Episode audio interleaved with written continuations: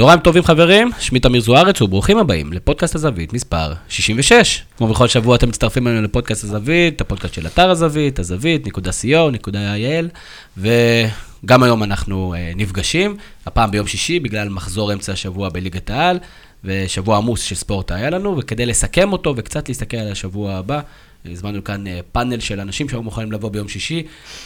ערב, uh, צהריים טובים למוטלה רפלד. צהריים טובים, תמיר. מוטלה, זהו, רצים לאליפות? בטח, רק 20 פער בבאר שבע, הכל פתוח. יהיה בסדר. זה, נכון, זה תמיד יש את הקטע הזה שמסתכלים כמה נקודות מהמקום הראשון? לשמחתי עברתי את זה מזמן, אני הפנמתי איפה אנחנו. הבנתי. טוב, זה בסדר. אגב, זה, זה בוגר. זה, זה בוגר, אבל בכלל, מוטלה הוא מאוד מאוד בוגר, כן. אנחנו עוד מעט נבחן את הבגרות הזאת בשאלות נוספות. Uh, יחד איתנו גם כן האחים דור אליגולה ואור אליגולה. אהלן, אהלן חברים. אהלן. Uh, דור, מכבי תל אביב, יחד עם חולצת המשבצות, מנצחת השבוע. מה, מה עושה לך חולצת המשבצות, או שאתה צעיר מדי מכדי לזכור? וואו, האמת שחולצת המשבצות, אני יכול לראות גם מהקהל. זה היה, מי, ש... מי שהגה את הרעיון הוא גאון שיווקי. אה, ואני ראיתי את התורים שהשתרכו מחוץ לאצטדיון, זה היה פשוט מטורף. גם האתר נפל בשלב מסוים. זה, אני גם, אנחנו מן הסתם דיברנו עם אנשים בתוך מכבי שישמרו לנו, עד כדי ככה היינו צריכים את, האנש, את, ה, את העזרה שלהם, שישמרו לנו חולצות, ובסוף אין. אה, אז זה פשוט היה, הייתה... אני מבין שהקשרים שם לא משהו, לא, זה הייתה פשוט היענות מטורפת מצד הקהל, אני גם יכול להגיד שחיכו לזה הרבה מאוד שנים, כי זה מעין נוסטלגיה שכולם מתרפקים עליה.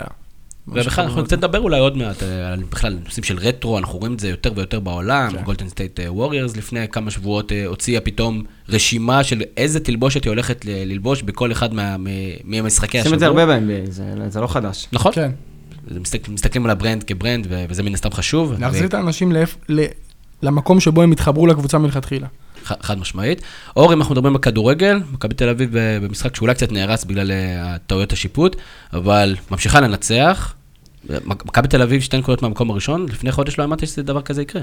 אה, את האמת, כן, זה, זה לא, לא היה צפוי. אה, אני חושב שמשהו בגביע הטוטו, נקרא לזה, שינה מעבר לניצחון ולזכייה בגביע עצמו, זה קצת הכניס את השחקנים, נראה לי, למוד, למוד הנכון של מכביסטים. ואני שמח, בגדול הכל פתוח, יש, את האמת, ליגה בכלל צמרת פתוחה לגמרי עם ארבע קבוצות, ואני חושב שאנחנו בדרך הנכונה. יפה מאוד, הוא כבר מתבטא כאילו אחד מהשחקנים של המועדון, וכמו שאתם זוכרים, גם אור וגם דואר הם שחקני הפיפ"א של מכבי תל אביב, אז הם ייצגו את הצד הצהוב, מוטלה ייצג את הצד הירוק, ובגלל הבעיות האובייקטיביות שלי, אז הבאנו פה את ברק קורן, מפיק הפודקאסט ומייסד אתר הזווית. אה, שהוא מדי פעם ככה ינסה לזרוק קצת שמן אה, כהכנה לקראת השבוע הבא, אבל לפני שאנחנו נרוץ לשבוע הבא למכבי חיפה, יש עוד קבוצות אה, ששיחקו השבוע, ומוטלה, הפועל באר שבע בטרנר, לא מצליחה לנצח את בני יהודה. לא שזה מפתיע שהיא לא מנצחת את בני יהודה, אבל מפתיע שהפועל באר שבע לא כובשת. כן, אני חושב שהמשחק הזה, כמו הדחה מהליגה האירופית, הדגישה שוב את הטעות ברכש שנעשתה שם. הייתה חשיבה לטווח ארוך, החתימו הרבה ישראלים מובילים, שהולכים להיות מובילים יותר נכון, אבל הם איבדו שני שחקני מפתח, את בוזגלו ואת אובן, שאין להם תחליף פשוט. השחקנים שהחליפו אותם לא מספיק טובים, ואני חושב שזה הדבר שהכי חסר לבאר שבע. בשביל זה ההבדל משנה שעברה לשנה הזאת. ודור, הפועל חיפה מגיע להפועל באר שבע, מגיע לטרנר בשבוע הבא, ביום שבת, משחק גדול, הפועל באר שבע תתאושש, או שאנחנו, הפועל חיפה, תצליח קצת לחזור? אני חושב שהבעיה של הפועל, של הפועל באר שבע היא הרבה יותר מבנית. הפועל, הפועל חיפה, לדעתי, תעש, תיקח תוצאה טובה מטרנר, רק בגלל אנרגיות. אני חושב שספורט הוא קודם כל אנרגיות, ובאר שבע הם על ידי דלק. אה, אגב, ראינו את זה גם באליפויות החוזרות של מכבי. אה, ברגע שקבוצה לא מצליחה להזרים דם חדש, והדם החדש שניסו להזרים בתחילת השנה לא עובד, קוונקה וכולי, אה, והבעיות המבניות של וואקמה עם החוסר החשק וכולי, זה, זה, זה טיפה בעיה היום לבאר שבע, כי אתה רואה גם שהם לא מצליחים להבקיע שערים בדיוק בגלל הדברים האלה. פעם, שנה שעברה, היית רואה את באר שבע, היית יודע שבגלל כל האנרגיות, בגלל הקבוצה שהם, היית יודע שהם יבקיעו, לא משנה מה. ועכשיו הפועל חיפה לצורך העניין, בדיוק מהצד השני, אתה רואה שיש להם אנרגיות כקבוצה, הם אחרי כל שער הם מתחבקים, הם, הם קופצים אחד על השני. בבאר שבע לא מתחבקים? אה, כנראה שלא, כי הם לא מפקיעים שערים. זה עוד לא הגיע לדרום, הפטנט הזה. הם עדיין כובשים לא מעט שערים, בואו ניזהר בכבודה של מוליכת הליגה, אני מזכיר לכם. כן. אור, ינואר בפתח, אנחנו יודעים אה, מה לא עובד, אנחנו, אנחנו לא כל כך יודעים אה, את הסיבות מאחורי הקלעים, אבל אה, קוונקה למשל לא מקבל דקות בכלל, ולא שהוא היה כזה גרוע כשהוא היה על הדשא. כנראה He's on שיש his שם way עוד out. דברים. He's on his way out, זה ללא ספק. מי אתה כן מביא בינואר להפועל באר שבע? אם אתה מישהו מהפועל באר שבע, כן? כן, אם אני הייתי- מביא כמה- בובלים... אה, אג'אי מאשקלון, אבל אה, לדעתי מה שחסר, בעיקר לבאר שבע, ואולי חלקים דווקא יחלקו עליי, זה דווקא קשר, במקום, אה, נקרא לזה אובן, סל- סלאש איין- מה שאיינבינדר אמור למלא. כי, כי מליקסון, גם שהוא פחות טוב, אתה רואה את הניצוצות, את השלוש-ארבע מסירות מפתח ש, שהוא עושה במשחק. אני חושב שדווקא אובן מאוד מאוד חסר להם. אה, קשר ככה שיודע להצטרף לתוך הרחבה. בדיוק. רדי גם בירידה זה, זה משפיע. וחלוצים, תשמע, בן סער, אה, לדעתי חלוץ מספיק טוב. פקארט, אני לא חושב שהוא גרוע כמו שעושים ממנו. הוא שחקן טוב, הוא לא בטוח מתאים לשיטה של באר שבע, אבל הוא ייתן, אה, הוא יכול לתת, אם הקשרים אה, יזינו אותו כמו שצריך, הוא יכול לתת את התפוקה. אני חושב שקשר באמצע, אה, נקרא לזה, יותר טוב מהאיימבינדר, שיכול למלא את המקום של אובן, אה, יכול אה, באמת לה- להביא את באר שבע לרמה שהיא אמורה להיות בה. יש לי שאלה לדור, כי אני שומע את זה מהרבה אוהדי מכבי תל אביב, ואני לא סגור על זה עדיין בעצמי. אתם כל הזמן מדברים על זה, על אה, שיש ירידת מתח בבאר שבע, ונגמר להם הרו- הרו- הרוח והכוח, והם עייפים, ואחרי אליפויות, וכל הסיפור הזה. השאלה שלי אם זה לא יותר wishful thinking, או אם זה דבר שבאמת קורה. לא, כי- אתה- יכול לא- לראות את לא זה במשחק. עדיין משחקים, הם עדיין מובילים, הם עדיין מנצחים משחקים שהם... באיזה- קשים בהם אמנם, אבל זה בסדר. אבל אני לא מרגיש שיש איזה... שזה סוף של תקופה. אני לא אומר שזה סוף של תקופה, אני פשוט רואה את ההתנהלות הקבוצתית שלהם היום, ואתה רואה שאין drive, אין משהו ש... שוב, בשנה שעברה, ואני יכול להגיד גם על מכבי, בשנה של סוזה למשל, אתה רואה שהם פשוט כותשים את היריבה שוב ושוב, ובסוף גם אם משחקים לא טוב, מנצחים. ובבאר שבע של שנה שעברה זה היה, והיום, גם למשל את הניצחון באשקלון, הניצחון נגד נצרת בגביע, שאני מניח שתכף נדבר עליו, אתה רואה שזה כאילו, בגלל שהם באר שבע, אז, אז הם ניצחו בגול. וגם זה בעשר דקות האחרונות. אבל אם היינו מדברים באמצע השבוע, אחרי עוד ניצחון בדקה ה-90, או סליחה, עוד- לקראת סוף שבוע שעבר, הדעה אחרי שלי עוד הייתה ניצחון אותה בדקה דעה. 90. כי הם פשוט, שוב, על ידי דלק, והם פשוט ניצחו בגלל שאשקלון הלכו אחורה, והם ידעו שהם הפועל באר שבע. אבל איפה ההבדל בין מזל של אלופים, כמו שלמכבי תל אביב היה בזמנו עם אה, לוגסי. או פריצה נגד בני יהודה, או אה, מצב של, אוקיי, זה מתקשים וגנבו גול. אבל מזל של אלופים יכול לבוא בשני משחקים, שלושה משחקים, שיעזרו לך באמת, אתה צריך את המזל הזה. ושיחקת טוב ולא נכנס, או ששיחקת מאוד לא טוב והמזל שיחק לך. אבל לאורך זמן, ואפשר לראות את זה בכמה משחקים של באר שבע, שוב, נצרת, אשקלון, כנראה ניסו גם בבני יהודה את אותו טריק, זה לא הולך, ורואים את זה. אני אשאל מישהו אובייקטיבי. בוא תעלה. בוא, האם הפועל באר שבע על אדי דלק, או... זה בסדר שקצת יש ירידת אה, מתח, אפילו ששחקנים מסוימים, לא לשכוח מה הקבוצה הזאת עברה השנה. שיר צדק, אה, פציעות חוזרות ונשנות של ויטור. מארי מאריבור. ברגע האחרון. כל מאריבור זה, זה פגיעה קשה, אנחנו ראינו את זה במכבי תל אביב, ליגת האלופות. מכבי חיפה גם בזמנו. נכון, זה קשה. רוזנבורג. מנטלית. אה, זה קשה. מנטלית זה קשה. גנק, לא? מכבי מה. שקרה לברדה, אבל זה לא הסוף של שלט בגנק. אה. מה שקרה לברדה למשל, כן. ועדיין הפועל באר שבע, מקום ראשון, זה לפני חיזוק בינואר, ולפני חצי שנה שני, ש, שבו חלק מהשחקנים יחזרו, ועדיין הפועל באר שבע זה הסגל הכי טוב. עדיין זה ה-team to beat. אני מסכים איתם בעיקרון. אה, באר שבע עדיין מקום ראשון נטו מחולשת הליגה. נכון. מחולשה של מכבי תל אביב, של מכבי חיפה, של אה, כל הקבוצות שיכולות לאיים עליה. אה, המשחק בטרנר מול הפועל חיפה יהיה מאוד מעניין, כי באר שבע הרבה פעמים העונה די רדומה. אתה רואה את זה ברעיונות מחצית של ברק בכר, שהוא רוצה להעיר אותם ומאוד עצבני. ואני חושב שאם הפועל חיפה, שהיא עכשיו עברה איזשהו שינוי מה...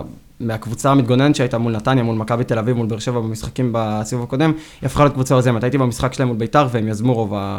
רוב המשחק, שזה די נדיר לראות את הפועל חיפה עושה את זה. אולי בגלל זה הם הפסידו. כן, יכול להיות. אבל אם ת- תצליח לנצל את, ה...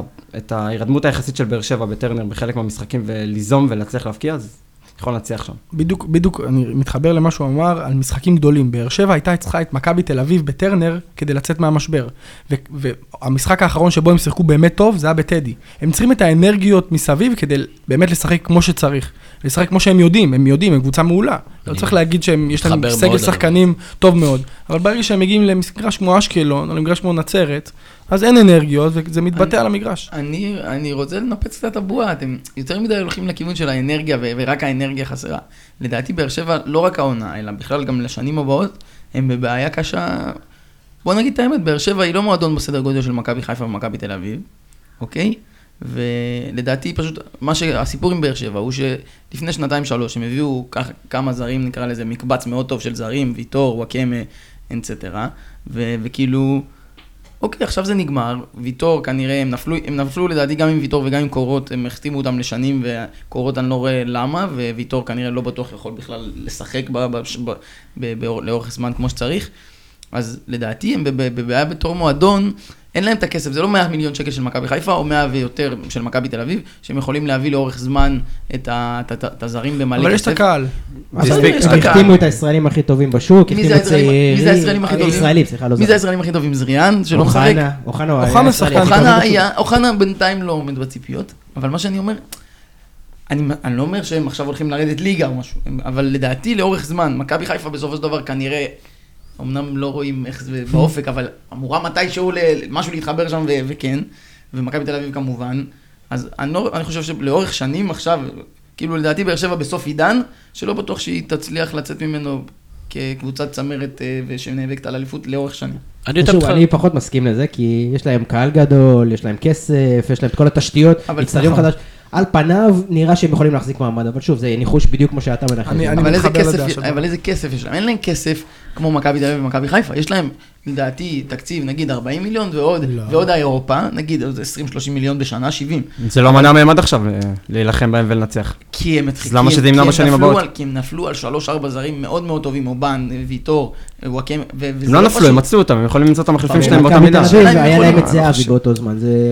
כן, נפלו על זה, זה מאוד... אבל אה, אבל כן, למכבי אבל יש את מכבי תל אביב הכסף. יכולה בינואר להביא עכשיו ארבעה, חמישה שחקנים חדשים. אין, לא הצליח. היא עשתה את זה בקיץ וזה לא באר שבע הצליח. לדעתי בשנים הקרובות לא תוכל לעשות את זה, במיוחד אחרי הנפילות עם קוונקה ופקארט עם המון כסף. אני, אני לא יודע אם אני מתחבר, זאת אומרת, זה, זו, זו סבירה, ואני מניח שיש הרבה אנשים שגם אה, אוחזים בדעה הזאת, אבל אני יותר מתחבר למה שברק העלה פה. אה, המועדון מתנהל בצורה נכונה. גם לגבי הכסף, אני לא בטוח ש...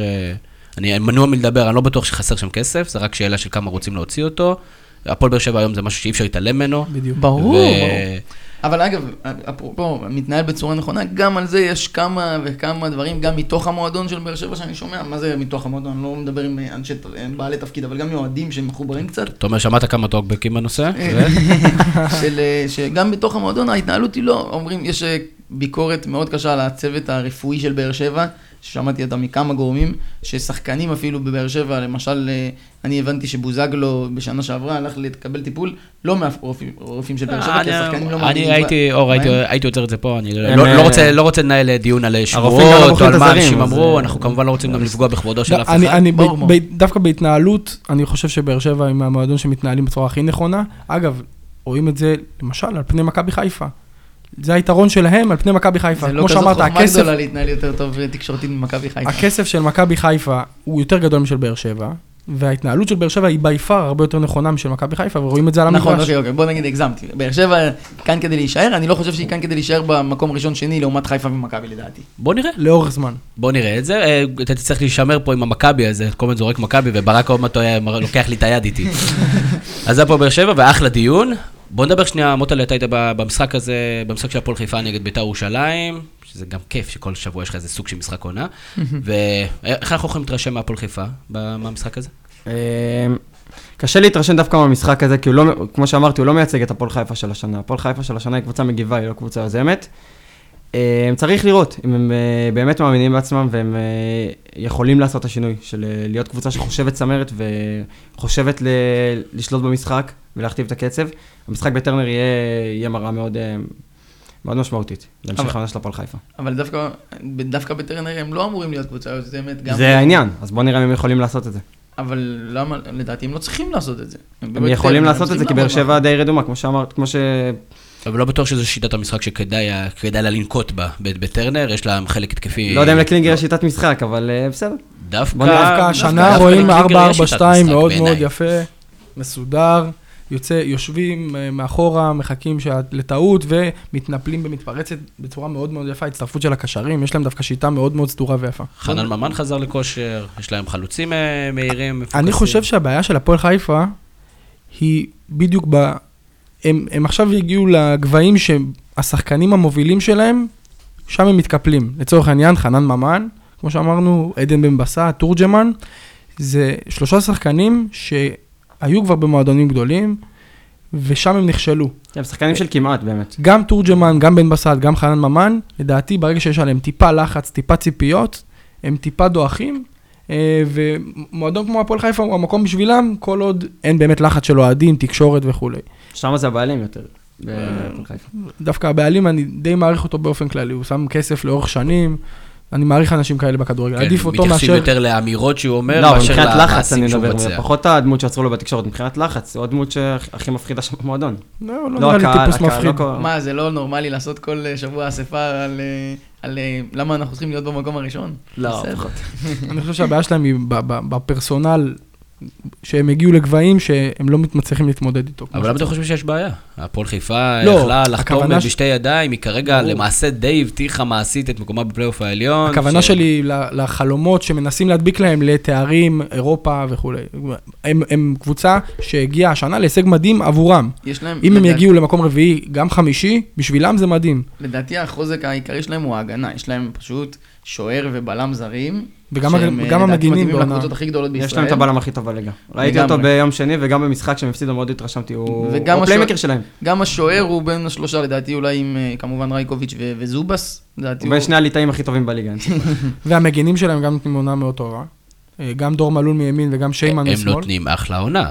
רואים- ש- רואים את זה בליגת החלומות. עכשיו, כדי שהפועל חיפה תישאר בשלישייה הראשונה או ברביעייה הראשונה, מוטלה מי אתה היית מביא להם בינואר? אה, מי הייתם מביא להם בינואר? יותר שחקני ספסל, פחות. ההרכב, כמו שהם ציינו, זה הרכב שהוא מושלם. זה תלכיד מצוין שעד עכשיו עושה עונה מדהימה. חסר להם שחקנים בספסל, אני לא חושב שהשחקנים עצמם מזהים אחד את השני שם, חוץ מיש שם קיוואנה אליל, שמשום מה לא נוטל חלק בעונה המדהימה הזאת. הוא עסוק בקיוסק. אולי לא רוצים לפגוע בעוד אלילותו. כן, יכול להיות. אה, בעיקר שחקני ספסל, זה מה שהם עושים עד עכשיו, הם צירפו את, אה, הבלם המקדוני מטרסקי ואת איוונשיץ' מאשקלון. בוא נראה, בוא נראה עד כמה הם אה, ישתלבו יפה בהפועל. אבל אתה מביא זרים בשביל אה, להושיב אותם על הספסל? זה נקודה מאוד מעניינת, אני לא יודע מה, מה קלינגר מתכנן לעשות, בעיה שלהם. אני דווקא הייתי מחזק בדיוק את, ה, את מה שדיברתי לפני זה, על, השלוש, על השלישייה הקדמית שלהם, ממן, בן בסט, אה, תורג'מן. הייתי מביא עוד, אולי זר, כנראה אני הייתי מביא ישראלי. איוונצ'יץ' מ- מאשקלון הוא... הביאו אותו כבר. איוונצ'יץ' עסוק בלקבל אדומים, מ- מרפוקים של שחקני... הרג אותנו בליגת החלומות, מישהו צריך להגיד את זה. מישהו צריך להגיד את זה, וטוב טוב שאתה אמרת את זה, מוטלה, באמת. אני אני הייתי מביא להפועל חיפה שחקן, דווקא את מוגרבי, אתה יודע? ואני לא חושב שזה תלוש מהמציאות. אם אה, יואב יואב כץ יש לו, הוא יכול אה, לתת בינואר אה, ארגז, כן. אגב, יש דיבורים על מוגרבי לבאר שבע, זה לא... בדיוק. הוא לא מתאים להם בכלל. אבל דווקא להפועל חיפה מוגרבי הוא מושלם, כי, הוא, הוא, כי זה עדיין לא הקבוצה של 16,000 ב- ב- ב- בכל משחק ו- ולחץ, והוא שחקן טוב. והם מוגרבי. בנויים על מתפרצות, שמוגרבי זה הפורטה לא, שלו. לא, אין ספק שהוא יכול לעזור להם, שאלה אם הוא לא יכול לעזור לבאר שבע, שבאמת חסר לה שחקן אגף. לדעתי לא. הנה, אוהד מכבי חיפה יעיד על אה, מוגרבי בקבוצה גדולה. מה שקרה עם מוגרבי היה לא מקצועי, אז קשה להגיד האמת. אני לא ראיתי אותו נותן תרומה שאי אפשר להתעלם ממנה. לא, לא, אבל, למה אנחנו שופטים את אה, פירס מוגרבי, שהוא שחקן מוכח בליגת העל, לא, על אה, נכון. כמה מחזורים במכבי חיפה, שבו... עשרה משחקים בוא רון כמחליף, אז... אף שחקן, לא מצליח כן, שם. אפשר לראות את זה על אה, סיפורי שכטר ודומיו. ואני יכול להגיד לכם שלפני שנה וחצי, כשמוגרבי סיים חוזה, אני רציתי שיגיע למכבי תל אביב. שחקן מחליף שיכול לעלות, עושה, לשנות הוא אחד דברים. השחקני אבל הליגה היית- הישראלים הכי טובים. אבל מה. אמרת? שחקן מחליף. זה זה העניין. במכבי תל אביב, יכול להיות שחקן מחליף. גם בבאר אבל שבע. אבל הפועל. באר שבע עכשיו, למשל, הפועל באר שבע צריכים שחקן הרכב שם, הם לא צריכים שחקן מחליף. בכל מקרה מוגרבי להפועל חיפה זה רכש מדהים, כן, זה רכש מושלם, ואם הם יכולים להביא אותו זה זה יהיה מדהים. אם יכולים לנצל את הפרצות בהנהלה של סכנין, זה... יכולים לצבוע להם את האצטדיון, הם יקנו את כל הסיפור. לא- לא בטוח שהבנתי עד הסוף. אה, ביתר ירושלים, אור, בוא נדבר קצת על ביתר ירושלים. בוא'נה, זה, זה הזוי. את האמת, אני אגיד לך, זה הזוי. ביתר ירושלים לא משחקת, אולי סיבוב שלם כבר, היא לא משחקת כדורגל, אני לא מבין איך היא הקבוצה עם כל כך הרבה, בפער, מבקיעה הכי הרבה שערים בליגה. כל משחק היא מבקיעה שניים, שלושה שערים, ואתה לא מבין כאילו מה, הם לא משחקים כדורגל, הם, זה פשוט נופל משום מקום. כי שכטר, כי שכטר הוא חלוץ מאוד טוב, קלאודמיר שיודע הוא ליפול. לדעתי, השחקן הכי טוב שלהם השחקן הכי חשוב שלהם, אמ, קלאודמיר הוא פשוט המצבים הנייחים של ה- שלו הם הכלי אולי הכי, הכי מסוכן בליגה. ותשמע, כל, כל מחזור אתה אומר, טוב, הנה, זה המחזור שביתר לא תנצח, והם מנצחים. הפועל חיפה, הם פתאום מבקיעים שני שערים בסמי עופר, זה לא, זה לא כזה מובן מאליו. ובלי לשחק גם, פשוט בלי לשחק. אני ש- שמעתי נתון שהפועל חיפה, אה, אני לא בטוח על הנתון הזה, אבל הפועל חיפה ספגו 13 שערים העונה, מתוכם חמישה אה, ביתר הפקיעו. בסדר, אתה, יודע מה הסטטיסטיקה של רעננה ומכבי חיפה? כן, עזוב. זה- בוא, בוא נעשה עוד פוקסים. דור, אה, שוב, אה, אוהדי בית"ר מרגישים שהקבוצה לא משחקת מספיק טוב. האם אנחנו לא שופטים את זה קצת יותר מדי בחומרה? בית"ר ירושלים, כמו שאתה אומר, מאוד מאומנת בצורה התקפית. הם יודעים בדיוק מה הם עושים כשהם, ברגע שהם יוצאים להתפרצת. השבוע היה מכבי תל נגד מכבי נתניה, מכבי תל כל מיני מצבים כאלה של 3 על 3, 4 על ש- 3. ש- אמרתי, אם זה. בית"ר, אמרתי, אם זה בית"ר, זה גול. בוודאות. אז יש לה את הסיגניצ'ר הזה מבחינת היכולת ההתקפית שלה. יש לה טל קחילה בעונה מצוינת כן. כבלם, יש להם קישור טוב מאוד, וגם פתאום... שוער- אנ- שוער סביר, שוער שוער סביר טוב, פלוס. פתאום יש להם אנטוני ורן כזה מינוס. שמגיע מהספסל ועושה עבודה נהדרת. האם אנחנו לא קצת מגזימים בכך שאנחנו מורידים מערכה של בית"ר אני ירושלים? חושב שביתר זה מועדון שגם הסיקור סביבו הוא במאניה דיפרסיה. אה, ביתר יכולה לתת משחק מאוד גדול כמו בתחילת השנה שהם ניצחו אותנו, ואז וואו, כל המועדון, אגב, זה גם נובע מההנהלה. גם, אה, הנה, לבנדה ניצח 3-0 בנתניה, הביאו עליו מאמן על הראש. בני בן זקן, כנראה באחוזים סטטיסטיים מאוד מאוד טובים, הקהל קורא לו להתפטר. זה מועדון שכנראה הוא לא יודע מה הוא רוצה מעצמו. אה, אני חושב שבנו שם חלק התקפי, מהקישור ומעלה מאוד מאוד טוב, שיכול לעמוד ביום טוב עם כל קבוצה בישראל בטח. אה, עם ז'ורג'יניו, שזה חיזוק מעולה, שכטר בכושר שאתה לא יודע, אם, אם, הרגל, אם הכדור ברגליים שלו, אתה לא יודע מה הולך לקרות, לרעתך, אה, בתור קבוצת הגנה אני עידן מדבר. ורד. עידן ורד שהוא היה, הוא היה שחקן מדהים, חן עזרא נותן עונה טובה, ויש שם גם ספסל, גם, גם בניון אה, מהספסל לקבוצה כזאת, עם אנרגיות, עם הקהל, זה אה, ורן, כמו שאמרת. הבעיה שלהם לדעתי היא בהגנה, אייסטר לדעתי הוא לא מגן שיכול להחזיק קבוצה, בטח לא אגף עם חן עזרא מקדימה, כנ"ל המגן הימני, יש להם שם בעיות. אה, קונטה זה תלוי באיך הוא קם בבוקר, וסירושטיין לדעתי הוא לא בלם לאליפות, למרות שקחילה הוא אה, מעולה השנה. אה, קליימן גם, זה תלוי באיזה יום. זה- הבעיה שלהם, אם מחזקים את ההגנה, הם יכולים לרוץ עד הסוף. ואז בשביל זה ניכנס מוטלה, ינואר? מה אתה עושה אם אתה אלי טביב, או אלי אוחנה אם אני אלי כנציגו של תביב, אלי אני טביב בורח מהארץ? דבר ראשון. אה, אני חושב... תחת השם שאלתיאל. כן. אני רוצה להוסיף, הבעיה של בית"ר מבחינת התנהלות זה שוב הפער בין איך שהקהל תופס את המועדון לאיך שהמועדון בעצמו באמת. המועדון הוא אנדרדוג, הוא אנדרדוג, הוא מועדון בינוני פלוס שנהנה מהיותו אנדרדוג, והקהל חושב שהוא המועדון הכי גדול כן. בארץ, והפער בין הציפיות לבין המציאות, זה זה הכל. אין ספק שיש פה פער ציפיות, אנחנו לא נדבר בפער ציפיות אולי במועדון אחר, אבל אה, שוב, בית"ר ירושלים פה, והיא ממשיכה לכבוש שערים, וכיף לראות אותה ברוב המשחקים. מדהים שבית"ר עם ההתקפה הכי טובה, והגנה נוראית, והם עשו רכש כבר בינואר, הם הביאו עוד חלוץ. אני זה- לא... זה- משהו די. אולי. זה סוג של מאניבול, אני לא, כן. כאילו, אולי אני מגזים, אבל... טוב, אני גר בקריות, הארסים תמיד היו טובים בהימורים, בית"ר, מה שקורה שם זה די ברור. נקודה טובה מאוד. אה, לא נדבר על אה, נתניה, דיברנו עליה המון פעמים, וגם כאן אנחנו מתחילים אה, להתקצר. בואו נסכם את מצטייני המחזור. אור, מצטיין המחזור שלך? אה, לדעתי דור מיכה במכבי, הוא אחד השחקנים, הוא השחקן הכי חשוב במכבי, רואים את זה מאז שהוא חזר מהפציעה, ו- וכל משחק זה אפילו מתגבר, אה, אז הוא המצטיין שלי. אה, אני מסכים עם דור מיכה, אבל אני אנסה להיות טיפה שונה. אה, אני חושב שהשחקן, טוב, שוב, אני מדבר מתוך האהדה שלי, השחקן הכי חשוב במכבי השנה הוא גולסה.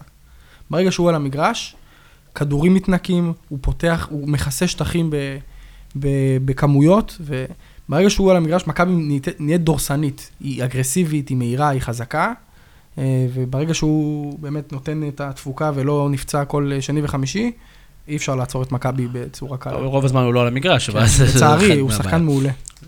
מנש משיח. למרות שבוא נעשה אה, שנייה לא, סדר עם אה, משיח, בוא נעשה שנייה סדר, כי אוקיי. מי מ- שגרם... מנשה משיח אה, אמר, שאלו אותו אם היה פאול. זהו. התפקיד של הכוון היה לקבוע אם זה בתוך אם זה הרחבה או לא בתוך. הרחבה. בדיוק. ותפקיד של השופט, זה. והתפקיד של השופט הראשי זה לקבוע אם עוצמת הפאול הזה, או המיקום שלה, גרם לאדום. אז ככה בוא נעשה קצת סדר. ו- נכון שמנשה משיח, תמיד קוראים איתו דברים מוזרים במכבי תל אביב, זה אין ספק. מנשה אוהבים אותך. במקרה הספציפי הזה, אני חושב שקצת היו קשים איתו. והשחקן המצטיין של המחזור מבחינתי זה אנטואן קונטה, הוא שיחק במשחק כקשר אמצע, שזה לא התפקיד שלו בכלל, והוא נתן הופעה מדהימה, הוא השבית את ברסקי, השבית את כל המעברים של הפועל, כל המתפרצות שדיברנו עליהם של הפועל חיפה, הוא השבית אותן. חושב שהוא השחקן המצטיין במחזור.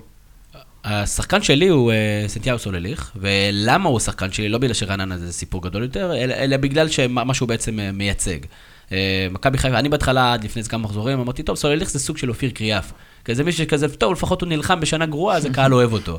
אבל אה, אבל הוא לא, הוא שחקן מהיר. מאוד מאוד חד אגב, הקהל. אוהב אותו, צריך לציין. הוא לא אוהב אותו? כדורגל- לא אוהב אותו. וזה הוא למה? שחקן מאבד המון כדורגל כדורגל. מעולה. משהו חדש. הוא טכני, הוא מהיר, קהל שלנו, עזוב. הוא משחק לעומק. אני אני הייתי שמח לראות אותו במכבי. אה, תל אביב, אוקיי? כן. במכבי תל אביב, אה, כי אני באמת חושב שהוא שחקן כדורגל פשוט מעולה. אז אנחנו... אני. מבסוט עליו, הוא השחקן הכי טוב אצלנו העונה, אין מה להוסיף. גם צריך לקחת בחשבון באיזה סיטואציה הוא מתפקד כל כך טוב. במכבי חיפה, אנחנו יודעים, ראינו את שכטר במכבי חיפה, איך הוא נראה, לעומת אה, כשהוא במקום אחר. לתפקד ככה במכבי חיפה זה, זה אפילו פלוס מעבר ליכולת הזאת. אני יכול שנקרא- להבין למה אתם רוצים אותו אצלכם. זה מה שנקרא בולט לטובה. בולט לחיוב. מעולה, אבל זה השחקן שלי, ונכנסתם לי, אז אני אוהב אותו. אגב, במשחק שחקן- עצמו, שוב, הוא לא היה טוב, אבל הוא ידע ל- גם במשחק לא טוב להבקיע ו... מי, וידר? לא, כן. סלליך, אבל... אני- טוב, בואו נדבר קצת על אתה גביע רוצה לעשות המדינה. trade? אני לא רוצה לעשות trade, לא. סבבה. אה, בוא. נדבר קצת על משחקי הגביע, אה, פחות על משחק ספציפי, אני רוצה קצת לדבר על הגביע כשיטה, ואיך אנחנו משפרים את גביע המדינה. אנחנו יודעים שההתאחדות הכדורגל, או מי שמחליט על הגביע, אה, בעצם הכניסה כבר שנה שעברה סוג של אה, מכשול לסינדרלות, ומפגש כפול ברבעי הגמר, אנחנו עדיין לא ברבעי הגמר, אבל איך אתם רואים את הגביע? כמה בכלל מרגש אתכם גביע? כי פעם זה היה מאוד מאוד מרגש, באנגליה זה מאוד מאוד מרגש, זה יום חג. איך הייתם עם זה שביום שבת היה גביע ולא ולא ליגה? מגניב, אני באופן כללי כאוהד לא באמת מייחס חשיבות לגביע, כי, כי בסוף זה משחק אחד, כן הפסדת, לא הפסדת, זה, זה יכול לקרות. אמ, זה, אני מאוד אהבתי את המחזור אמצע שבוע והשילוב עם הגביע, כי, כי זה היה באמת נתן לנו סוג של שבוע רצוף בכדורגל, כמעט כל יום היה משחק אה, מעניין. ובכלל, זה כיף אה, לפגוש פתאום קבוצה כמו בני ממבה, היה, אני שמעתי מחברים, אני לא הייתי באצטדיון, אבל שהיה באמת אווירה מאוד, אה, מאוד כיפית באצטדיון, זה היה סוג של אירוע משפחתי כזה, משחק שכולם הבינו שהוא לא באמת, אה, נקרא לזה שווה כוחות, אבל זה, גביע זה תמיד נחמד, זה לא באמת חשוב, כמו הליגה, אין מה לעשות. דור, אתה אני הייתי? אני הייתי אומר שלפחות בשלבים האלה הגביע הוא מפעל קהילתי. הוא להביא את הכדורגל של ליגת העל במרכאות ל- לפריפריה. אז מה שאני הייתי עושה כצעד אה, של ההתאחדות זה שעד שלב רבע הגמר לפחות, הקבוצה שבאה בדירוג יותר נמוך היא זו שתארח את המשחק. מעולה. אני, למשל, אם אני בני ממבה, ומכבי תל אביב מגיעה לאיצטדיון שלי, בשביל, בשבילם זה, כל השבוע ידברו על זה, והיו עושים, גם מרוויחים הרבה מאוד כסף כנראה, באופן יחסי. ובשבילם לבוא לנתניה, אוקיי, זה חוויה, חדר הלבשה, איצטדיון, אבל תנו לעיר ליהנות, זה מה שאני הייתי לא עושה. תמיד יש תשתיות למשחקים האלה, ולא מספיק כרטיסים בשביל הקבוצה. אבל- אין בעיה, אבל אני לא זה מסכים. חלק מהקסם של המשחק. כשאתה רואה באנגליה איזה איצטדיון פקקטה מארח את צ'לסי, זה חלק מהיופי של כן, של הדבר. אצטדיון פקקטה באנגליה... זה 5,000 נכון, מקומות. רביעי, נכון. זה אין בעיה, לא אני לא- בני ממבה. ברק, אני דווקא לא מסכים איתך. שיהיו 100 צופים. אין בעיה, בני ממבה, מכבי תל אביב, 100 צופים, זה מה שיש באצטדיון. אני זוכר שבכרמיאל, היה מכבי חיפה נגד הפועל כרמיאל, ופתאום הייתה את ההגרלה, וכל כרמיאל זה אוהדי מכבי חיפה, והיה טירוף, טירוף, טירוף, טירוף, בעיר, ומה שעשו, פשוט הלכו לשפץ את האיצטדיון. זאת אומרת, האיצטדיון שהיה בסדר, פתאום עשו לו חומות ועניינים, ובאמת היה טירוף, וא', זה, זה לא הפריע גם לאנשים שטיפסו על העצים, להמשיך לטפס על העצים ולראות את המשחקים מהעצים מסביב, שזה גם מאוד מאוד אותנטי. נכון. וחוץ מזה, זה גם עזר לתשתיות. זאת אומרת, הנה, פתאום נכנס כסף, ובוא נשקיע אותו בתשתיות. אז אני חושב שזה goes without saying. מוטלה, גם חושב שזה רעיון מקסים, אה, הגביע מאוד חשוב, ואין לנו משהו אחר, הליגה כמובן יותר חשובה, אה, ודיברתם על משחקים, אה, משחקים באמצע השבוע, וזה יש לנו פעמיים מכבי תל אביב, מכבי חיפה תוך שבועיים, זה מגניב לגמרי, אז אני מאוד שמח על השבועות הקדושים האלה. מפתיע שאמרת מכבי תל אביב נגד מכבי חיפה, אנחנו הולכים אה, באמת לדבר על זה, ורוצים לרדת לשורש, לנצל את, ה, את הפורום הצעיר הזה, את דרבי הנוער הזה, בין החבר'ה בני ה-22 ל- לילד בן ה-20, כדי אה, קצת להיכנס לנבחי שורש הסכסוך, או שורש היריבות הזו, אה, בין שני מועדונים, כנראה הכי גדולים כיום בליגת העל, יש שיחלקו עליי, בית"ר ירושלים, אולי הפועל תל אביב, אבל ליגת העל. בליגת העל אמרנו. שתי קבוצות אה, משמעותיות מאוד, ונתחיל קצת ממכבי תל אביב, ככה לזכור קווים לדמותה של מכבי תל אביב הנוכחית, ואור, אני שוב חוזר אליך, דיברנו קצת על הריצה של מכבי תל אביב, לא ממש ניתחנו אותה, ואני זוכר שלפני בערך אה, שישה מחזורים, אני ישבתי במגרש בפתח תקווה, מכבי תל אביב סיימה עוד 0-0, אה, והתחלתי לשמוע צעקות לידי לג'ורדי קרופט תתפטר, שאני לא לא האמנתי שדבר כזה יקרה, חשבתי כן. שבוז והכל, אבל סיינט ג'ורדי. לבוא ובאמת לתקוף את ג'ורדי עם כל מה שהוא נתן אה, לקבוצה, אבל הקריאות האלה היו. והנה, היום אנחנו שתי נקודות מהמקום הראשון, ועם ג'ורדי we trust, וכל הביטויים. איך אתה רואה את מכבי תל אביב הנוכחית? ת, תתנתק שנייה מזה שאתה פטריוט, ויותר באמת ברמה המקצועית. אני אגיד שני דברים. אני אגיד שג'ורדי באיזשהו מקום כן הוכיח שמה שהוא אמר על אה, הפציעות, ונקרא לזה מיכה דסה גולסה נכון, אבל מצד שני זה לא מנקה אותו מאחריות לזה שקבוצה של 140, 120, לא משנה כמה מיליון, לא יכולה להיות, להיות תלויה בשניים או שלושה שחקנים, ואם לא, היא מתפקדת כמו קבוצת אה, ליגה לאומית, כאילו היינו נראים פשוט זוועה. זה לא יכול לקרות, לא משנה מה יקרה. אז נכון, דסה מראה שהוא באמת היה מאוד משמעותי, ומיכה גם, אבל עדיין, ג'ורדי אמנם צדק, ועכשיו הקבוצה נראית הרבה יותר טוב, שזה מעודד ואנחנו שמחים על זה, אבל עדיין גם האוהדים שבאותו זמן תתפטר או בוז או זה, אני לא נכנס לדקות אם זה נכון שהוא יתפטר או לא וכולי, אבל הם צדקו שלא יכול להיות ש-140 מיליון שקל נראים ככה, לא משנה מי חסר, גם אם היו חסרים חצי הרכב. אגב, חזרנו וראינו את זה במשחק נגד בני ממבה, ששוב היינו עם מחליפים, וזה היה נראה נורא. אה, אני חושב שאנשים קצת קופצים, בני ממבה, בסדר, זה משחק, אתה צריך לשים גול אחד, ולפעמים יש לחץ, לפעמים נכון. הקבוצה לא, לפעמים. אולי אין חשק, נכון, אני מסכים. אתה משחק כזה חשק, אין, אין אף אחד שעולה ולא רוצה לנצח משחק, אבל אולי פחות דריכות, פחות היכרות עם הקבוצה השנייה, קשה לנצח שני 11 שחקני קבוצה, נוער 11 אה, שחקנים. עולים בהרכב, וזה גם פוגע ביכולת. לא, לא יודע אם זה, זה בדיוק המקרה, אבל כן, יש משחקים שמכבי תל אביב לא משחקת טוב. בוא תעלה, איך, זה- איך זה נראה מהצד? אה, אני חושב שמכבי תל אביב בכושר הכי טוב שלה מאז שהיא לקחה את ה... מאז ההפסד האליפות לבאר שבע. אני חושב שבכושר מדהים.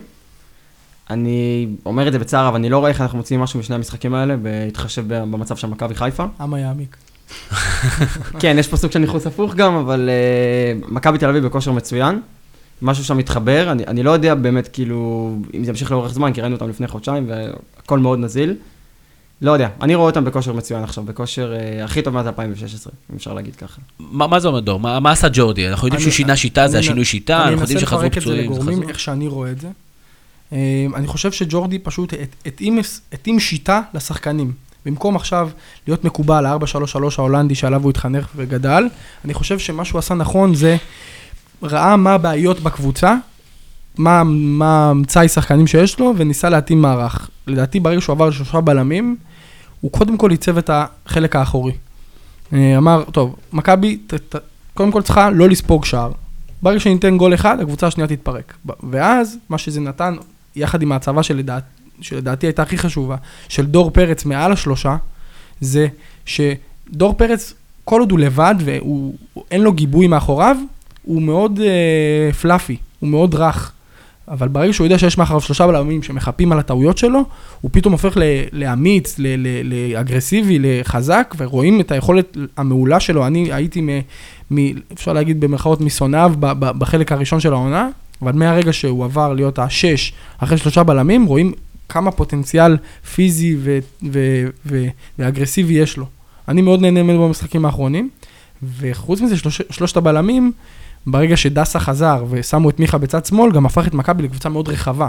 היא תוקפת פתאום משני צדדים, והכניסו את בלקמן לאמצע, שהוא מאוד מסוכן שם, בטח בליגה הישראלית, אה, עם הפיזיות שלו והטכניקה שלו, ועל וידר לא צריך יותר להגיד. היא עדיין לא תוקפת מספיק מאגף שמאל, זה, זה בעצם אחת בורח, הביקורת כרגע על מיכה 3-5 בורח. על ה-5-3-2, 3-5-2 הזה, בגלל שמיכה הוא משחק יותר פרי רול, נכון. הוא לא בדיוק מגן שמאלי, בגלל זה גם שם את ייני בצד השמאלי, הבלם השלישי השמאלי. איך היית משלב, אם בכלל, את אופיר דוד זאדה שהגיע לקבוצה? אני, מה שהייתי עושה בהרכב הנוכחי, אה, הייתי מוציא לצערי את אבי ריקן מההרכב, שם את מיכה כהפרי רול מעל גולסה ודור פרץ, ודוד זאדה בצד שמאל, אומר לו, תשים רגל על הקו, כל פעם שנמשכים ימינה, אתה תקבל את הכדור, ודוד זאדה יש לו טכניקת הרמה מאוד מאוד טובה באופן יחסי, בטח לליגה הישראלית. אני נהנה מהרמות שלו, בטח לדעתי ייהנו ממנה וידר ובלקמן. זה אומר הכל.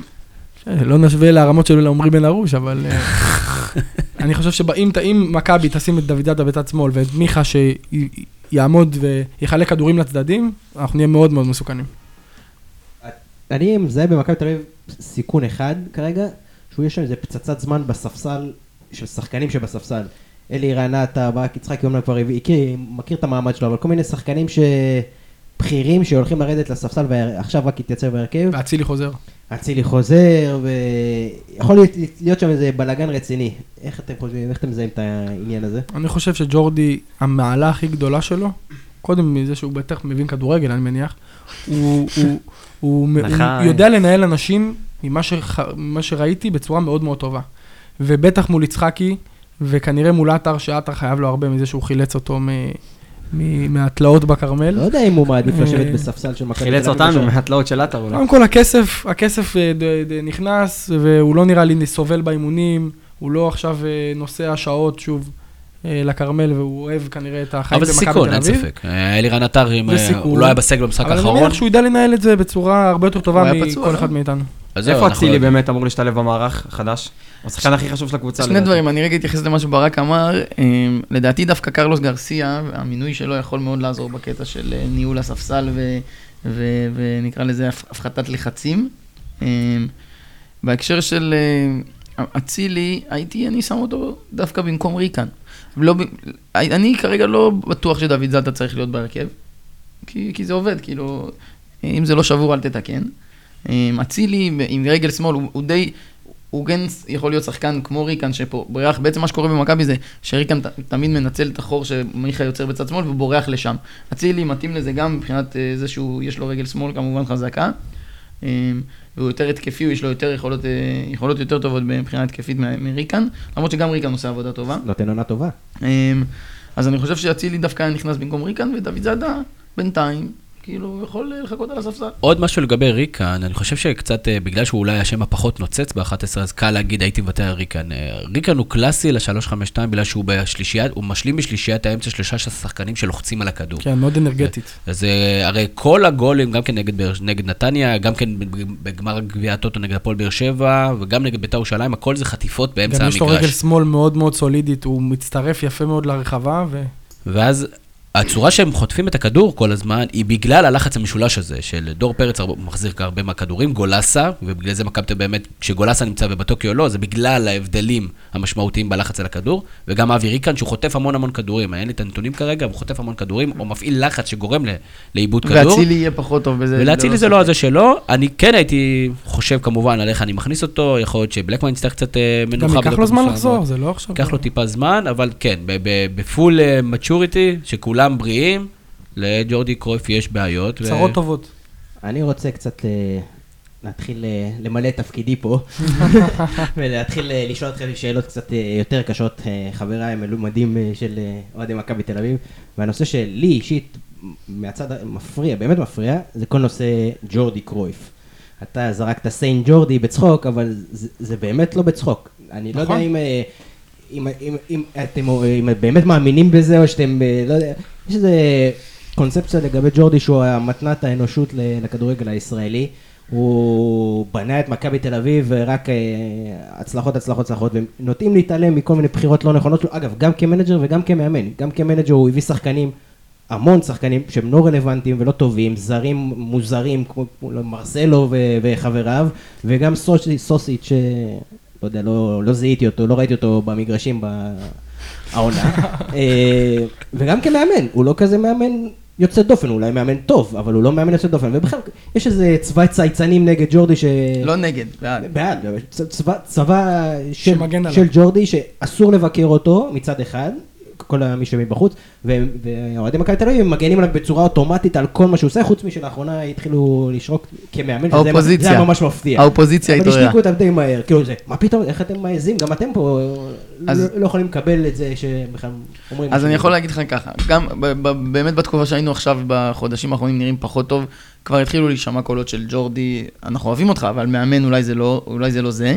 מצד שני, את, אתם פשוט צריכים להבין מאיזה מקום ג'ורדי הוציא אותנו, אנחנו היינו כאילו בתחתית של התחתית, היינו מכבי חיפה. היית מכבי היינו חיפה. מכבי חיפה של, נכון? גם יעקב שחר הוא כזה שעשה את אותו דבר למכבי חיפה לכאורה. אבל זה לא ו- אותו דבר בכלל. תוקפים אותו כל יום. ג'ורדי הוא איש מקצוע, יעקב שחר הוא בעלים בדיוק, זה שונה לגמרי. מקומו אה, כמובן, אה, כבודו במקומו מונח, הוא הביא, הוא הביא ומביא מלא כסף והכל טוב, אבל ג'ורדי הוא איש מקצוע.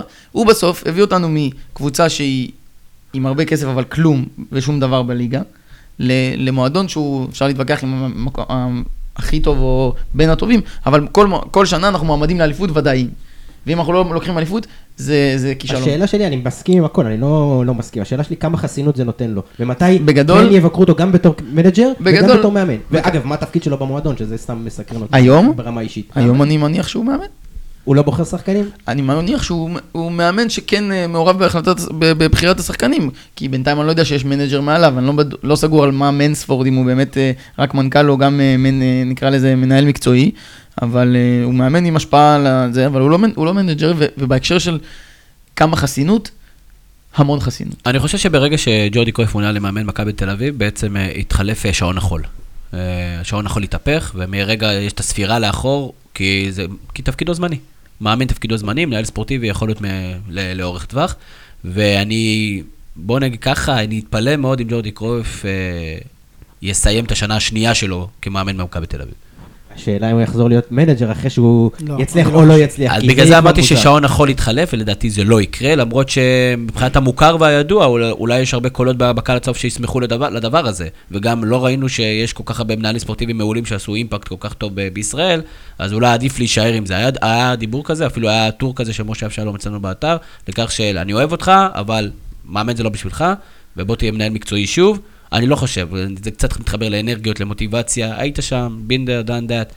אין מה לעשות עם זה, במידה והוא יצליח באמת בצורה מקצועית יוצאת דופן, שכרגע הוא, הוא לא הצלחה יוצא, מקצועית יוצאת דופן, הוא בסדר. הוא קצת ניצל את, את חולשות הליגה, טיפה התחברו לו כמה דברים, באמת מכבי תל סגל טוב, הוא עדיין לא עשה רושם, ניצח איזה נוקאוט באיזה משחק נגד איזה מאמן, וראית את טביעת האצבע, עדיין לא שם, ובגלל זה אני לא חושב שגם אם מכבי תל תצליח לגרד השנה אליפות, אני לא חושב שהוא יהיה ברמות האלה של, של אירופה, אני לא חושב שזה, שזה, אני לא חושב שזה תפור עליו. אני חושב שהוא לקח צעד אחד רחוק מדי את כל נושא אה, ההשתקה וה... בדיוק ההפך. אה, זה אני הצד חושב שאני צעד אחד רחוק. מדי, כי גם, הקט- גם הסיפור שהוא הפך להיות מאמן, זה סיפור שאף אחד לא יודע באמת להגיד מה קרה שם, מי, נ- למה הוא הפך להיות מאמן, הוא לא עשה רושם שכאילו זה היה חלום חייו להיות מאמן, או רוצה, אף אחד לא יודע בכלל אבל מה זה משנה? מה היה המהלך למה, הזה. למה אתה צריך בסוף לדעת לא, להגיד מה entert- קרה? כי זה entertainment, זה, אני, אני רוצה להיות חלק מהסיבה, אני קונה מנוי, אני רוצה להיות מעורב בקבוצה, אני רוצה להבין, אני בתור אוהד כדורגל, אני לא אומר שאני צריך להיות אה, חטטן ולתת את הצהוב, אבל אה, וואלה, זה מהלך משמעותי, בן אדם יורד להיות ממנג'ר למאמן, אני חושב ש...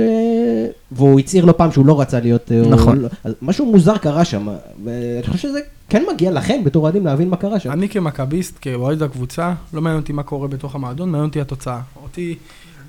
מתי רוצים לדעת מה קורה בתוך המועדון? שהתוצאות לא טובות. אגב, ורואים מה קורה במכבי חיפה, בדיוק בהקשר הזה. לצורך העניין, אני, אני מעריך את ג'ורדי בתהליך שהוא העביר את הקבוצה הזאת, המאוד מאוד מהיר.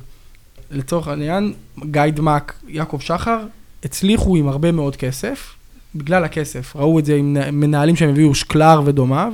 אחרי שהלך הכסף, לא נשאר מועדון. אני פה מעריך את ג'ורדי שהוא בנה מערכת. הוא בנה מועדון שמתנהל בצורה נכונה, מודרנית, אירופאית וכולי.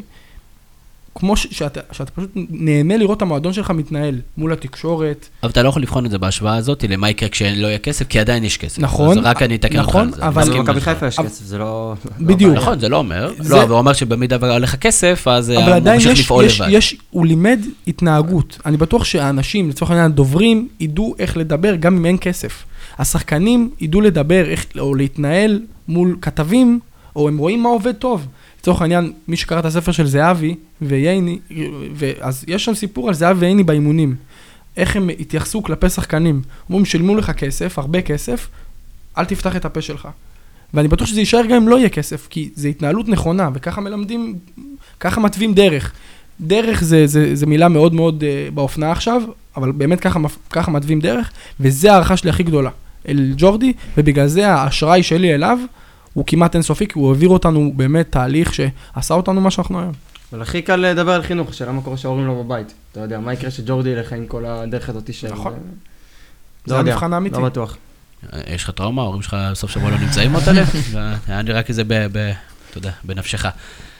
בוא נרוץ לצד השני של המתרס, למכבי חיפה. אה, מוטלה, ניצחון חוץ ראשון אה, השנה, 2018 נפתחת בסערה. טירוף, יש טירוף. תקווה, יש תקווה. לא ישנתי שתי לילות כבר.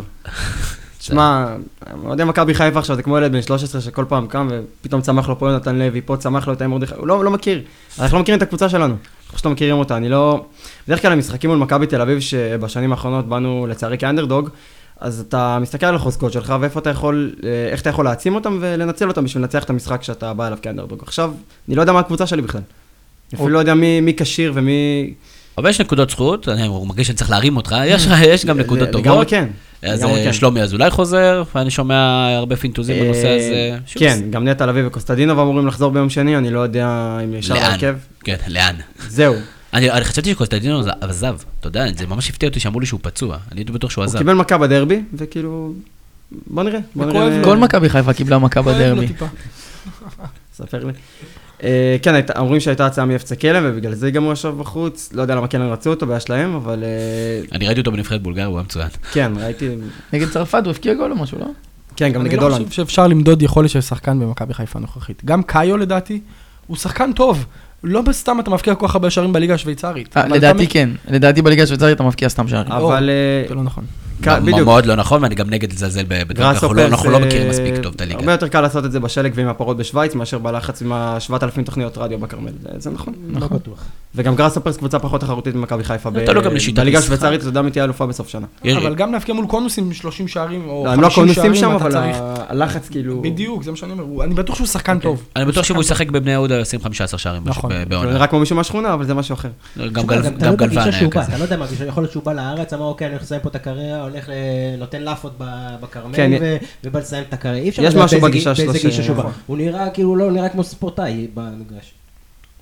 עכשיו אני הוא חושב שינה שזה יותר. עניין של תחושה, מה מה- גם אנחנו בהתחלה אמרנו, אה, בלקמן לא נראה כאילו אכפת לי בכלל, לא אכפת לו, הגיע זה היה מה... נכון, ואז הוא שינה גישה. נכון. לא, אתם צריכים להבין שזרים, יש להם זמן, הם צריכים להתאקלם. הם באים למדינה חדשה, זה לא כזה פשוט. אתם זוכרים שאותו ברוב רצו לזרוק אחרי שלושה מחזורים? הסיפור הכי גדול לדעתי בזה, זה מהכדורסל, זה אנטוני פארקר, שרצו לשים אותו על המטוס אחרי שני משחקים, ומאז הוא השחקן הכי גדול שדרך פה. אגב, גם את וטייריס קולאוטי רייס שחצי חצי עונה היה על הספסל, טייריס רייס. עכשיו, מה הבעיה במכבי חיפה? ש- שאין, החצי עונה לא טובה, כאילו אתה, כבר גמור, ואין לו את הזמן להתאקלם, לכל הזרים אין לכם, אין את הזמן להתאקלם. עכשיו יש להם, אה, החליטו בינואר לא לעשות מהפכה זה- בניגוד ממש ל-7,000 נכון. אז רגע, רגע, יש לנו פה, יש לנו סקאן סקופ. כן, מה מה החליטו? שלא עושים מהפכה בינואר. זה לא סקופ, זה החלטת מועדון. אתה דובר הולנדית? לא, לא. תשמע, אבל אה, אני חושב שזה רעיון נכון, לתת לה, להריץ את הצעירים ולתת לה, גם לשחקנים הישראלים שהגיעו עוד זמן להתאקלם. אבל איך תריץ ישראלים אם אתה משאיר את אה, קאיו, אה, מבוקה, למרות שהוא סך הכל בסדר, קוסטדינוב במועדון, וורמוט, ודמרי. להריץ את הצעירים זה עוול לדעתי. כי הם לא יישארו בשנה הבאה. אתה יודע, מכבי חיפה זה מועדון שלפחות שואף לא להגיע בטוח. לאליפות. הבעיה לדעתי במכבי חיפה זה שהם מתנהלים, המטרה שלהם היא לא מטרה מקצועית, היא מטרה לרצות את האוהדים. קודם כל, המטרה של המועדון הוא איך האוהדים תופסים אותנו, וזה רואים את זה במאניה דיפרסיה של, של המועדון מול התקשורת. אז לא עושים מהפכה, אז מריצים צעירים, כי זה נחמת עניים. הטרנד. אני לא. מצליח להבין איך זה עובד ביחד. אה, לא משחררים שחקנים בינואר ורוצים להריץ צעירים. בדרך כלל זה אמור לבוא ביחד. אני אשחרר את ורמוט, כי אני רוצה להכניס אה, קשר בא- באמצע מקומו. אני אני אשחרר את דמרי, כי אני רוצה לתת לעווד, שיהיה רגוע, שהוא יכול עוד 15 מחזורים להחמיץ ולא רק חמישה. אז אני לא מצליח להבין, להשאיר סגל כל כך רחב בשנה כזאת, כשאתה רוצה לשלב יותר צעירים, זה לדעתי יעשה עוול, כי זה יפעיל לחץ מטורף. נכון. אז שחקן כמו ורמוט, שלא ישחק שלושה מחזורים, הרי ורמוט זה, זה השקר הקלאסי. הוא משחק, הוא לא טוב, כשהוא על הספסל, שואלים למה הוא על הספסל. אז תוציא אותו מהספסל. אז תוציא אותו מהספסל. אגב, וכולם. מי שעל הספסל הוא השחקן לא, נכון, אבל ורמוט כאילו שדיבור יותר בגלל שהוא פנטזיונר, הוא כאילו כן, בעל היכולת. יש לו קסמים, הוא כאילו. האלי זיזו שלהם. אז אני אומר, מה- מהבחינה הזאת, אני לא מצליח להבין. אם החלטתם, שנה שעברה דרך אגב, מה שלא הבנתי בינואר, כי שוחררו גם הרבה צעירים.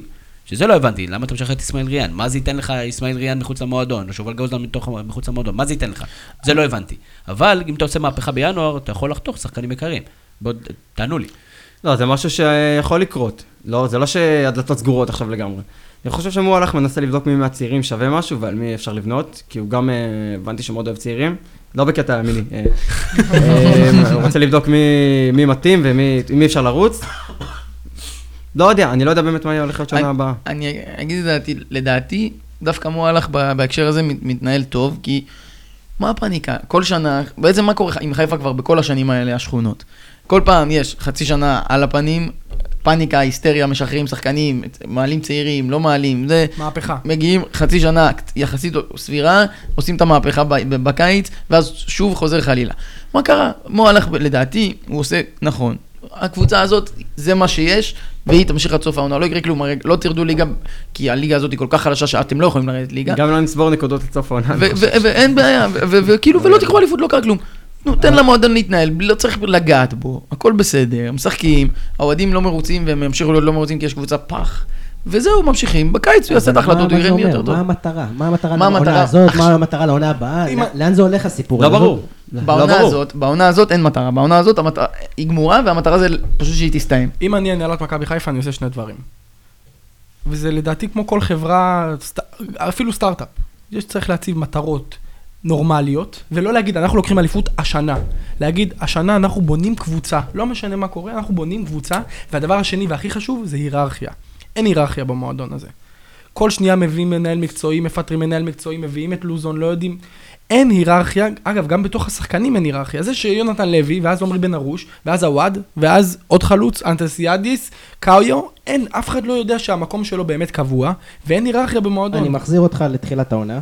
בנו סגל חזק מאוד מאוד שאין מאוד בו. היררכיה. זה מה שדקל פינה אמנם אין אמר. בו, נכון שאין בו היררכיה, אגב גם ב- במכבי תל אביב אין היררכיה. נכון. יש היררכיה. יודעים ש... רן עטר לא יודע אם הוא בספסל. נכון, או אבל לא, יודעים שקיארטנסון בהרכב, יודעים שטיבי בהרכב, יודעים שגולסה אם הוא כשיר הוא משחק, לא, מיכה, אותו דבר, יודעים מי הקור של יש יותר הקבוצה. היררכיה, אבל יותר קל כשיש הצלחות. אני חושב, הם הציבו סגל מאוד מאוד מאוד חזק. נכון. יעקב שחר, או מי שזה לא יהיה, מביא את השחקנים הישראלים הכ- הכי חזקים בשוק. אני חושב שהמטרות מאוד ברורות. זה לא בושה אם אתה מביא את הסגל, לכאורה, בתחילת שנה אם הייתי שואל, כל בן אדם ברחוב הוא היה אומר שמכבי חיפה לפחות תתמודד בצמרת הגבוהה. נכון. אובייקטיבית מבחינת שחקנים הם אמורים לרוץ בצמרת, משהו שם אחר לא דופק.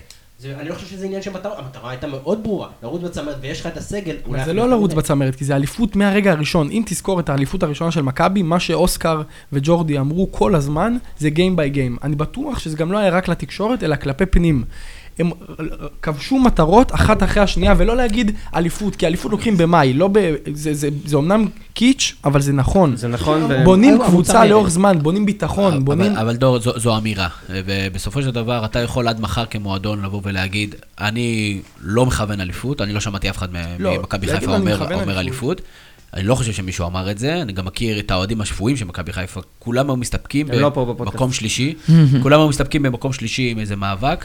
צריך להבין מה זה אומר, הקהל של מכבי חיפה, תוכניות התקשורת, הרדיו שם, כן. התקשורת והסגל, המקומית שם. הסגל מספיק הסגל שתומך בזה, לצמרת. הסגל שתומך בזה, אבל. דרך אגב, גם כן, זה גם כן ביצה ותרנגולת כזאת, כי כשאתה מביא את מאור בוזגלו ואת אה, רמי גרשון, אתה מכוון אליפות, כי הנה, הבאת את הישראלים הכי יקרים. נכון, כל הקבוצות רצו את רמי גרשון, כאילו, זה שהוא הת- התברר כשחקן כנראה לא מתאים ולא טוב, כולם זה משהו רצו את אחר. שכטר וכולם רצו את עטר וכולם נכון, רצו נכון, נכון, נכון. אז. אני אומר, ברגע שאתה ו- מביא את זה, את השחקנים כאלה, אז אתה בעצם, אתה בעצם משית לחץ על הקבוצה של, הנה, עכשיו בואו תרקדו. אבל בצדק, זה, מה לעשות, מכבי חיפה היא קבוצה שצריכה לרוץ לאליפות, מה אתם השאלה? אם לא צריך לעשות את זה, קצת כמו שלומי ארבטמן, סטפ ביי סטפ, לא. פס את זה Game כאן, לנסות להביא שחקן. אחד טוב, שחקן אחד טוב שישדרג. מכבי כשהגיע לא הביא המון כוכבים. הביאו ו- את. נו, מה, יש לי שאלה, תמיר, מה מה- קורה? לא. מה שאמרת. ואם היה בא שחקן אחד, נגיד רק גרשון, אז הם אומרים, רגע, אז למה לא בוזגלו גם? ואז אם היה בא בוזגלו, אז רגע, יש לנו את בוזגלו, נביא את לא, קיאט, לא, ובכלל נכון, יש לנו קבוצה אני לא מטורפת. חושב שיש לי את פתרון הקסם, אבל אני כן חושב שברגע שאתה עושה רכש מאוד מאוד גדול, אין לך כרגע שלד. אתה, יש לך פינה נהדרת של איפה הם היום, שאתה אחרי כל פעם בודק אה, קבוצות מסוימות. ולהבין מי נשאר בכלל בסגל. למכבי חיפה לא נשאר, לא נשארים זה שחקנים אין- משנה לשנה, אין אין דרך. בסיס, אין שלד. אה, אני, אני חושב שאנחנו מסתובבים פה סחור סחור, אולי אני מייצג, אני, אני מכביסט, אה, מכבי תל אביב, אבל אולי אני מייצג עכשיו, את, אם אני, את מה שאני אגיד, קול של הרבה אוהדי מכבי חיפה, ש, שהוא לא נשמע לדעתי מספיק. הבעיה במכבי חיפה היא לא שחקן זה או אחר, כי עובדה, שבע שנים, התחלפו כבר חמ, חמ, חמ, חמישה סגלים, כל פעם חצי, חצי סגל בחוץ, ו- הבעיה היא יעקב שחר, כאילו מה, כסף, זה לא נכון. הוא, רגע, כסף הוא נותן, זה בסדר. הוא, זה כמו שלוני אה, אה, היה צריך להחליט מי השחקנים, כל שנה יש, אוקיי, יעקב, יעקב שחר לא מספיק מעורב, יעקב שחר לא צריך להיות מעורב, הוא צריך להיות כמו גולדהר, תן כסף, סבבה, אתה רוצה להיות הוא לא נשיא, את הכל. טוב. עכשיו, הוא היה לא הבעיה רוצה, וזה הבעיה. ועכשיו הוא הפסיק להיות הבעיה ברגע שהוא באמת שחרר למול הלכת את אתה כל חושב ה- שהוא באמת שחרר? בוא נראה.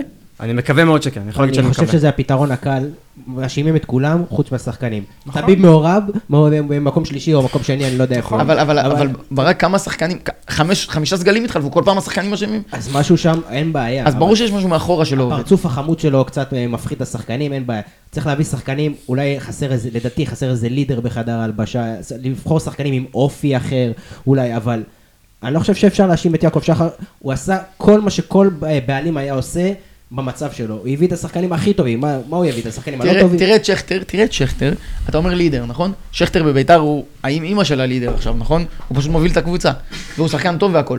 בחיפה, תראה איך הוא נראה, זה ברור רוצה שמשהו לשאול מאחורה לא זאת עובד. שאלת השאלות, מה מונע מהם במכבי חיפה לפרוץ? אני ממש ממש בספק אם זה יעקב שחר, אני יכול להגיד שבתור. אוהד שרוף של מכבי חיפה שמגיע לכל משחק בית וחוץ, אני באמת לא יודע מה הפתרון. באמת שאני לא יודע כבר מה הפתרון, ניסו הכל מהכל, ואם זה לא ילך, אז בוא נסגור את הקבוצה. אני כתבתי טור על זה, אתם יכולים לקרוא אותו. הפתרון הכי מהיר. שוב, זה להש- להשקיט את המערכת, לא לדבר עם עיתונאים ולמצב את מכבי חיפה, שוב, אני טיפה פוגע בקבוצה שלי, למצב את מכבי חיפה כאופציה הראשונה לשחקנים ישראלים טובים.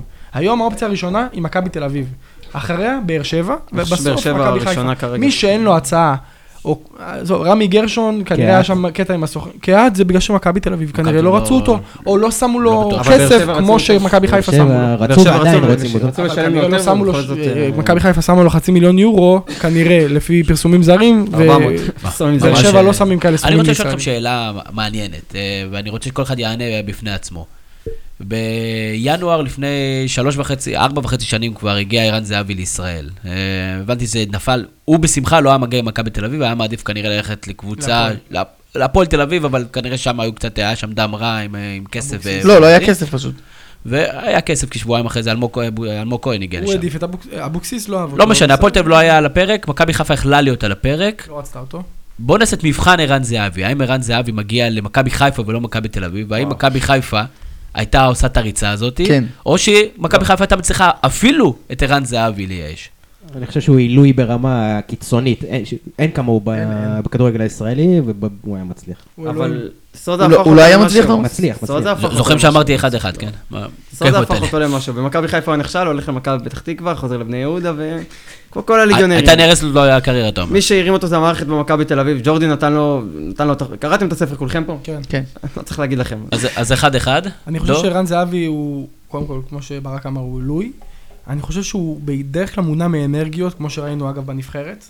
אה, והוא צריך את האנרגיות, הוא צריך אנשים כמוהו סביבו כדי באמת לפרוח. ואת זה הוא קיבל בג'ורדי, ואני לא יודע כמה הוא מקבל את זה במכבי חיפה.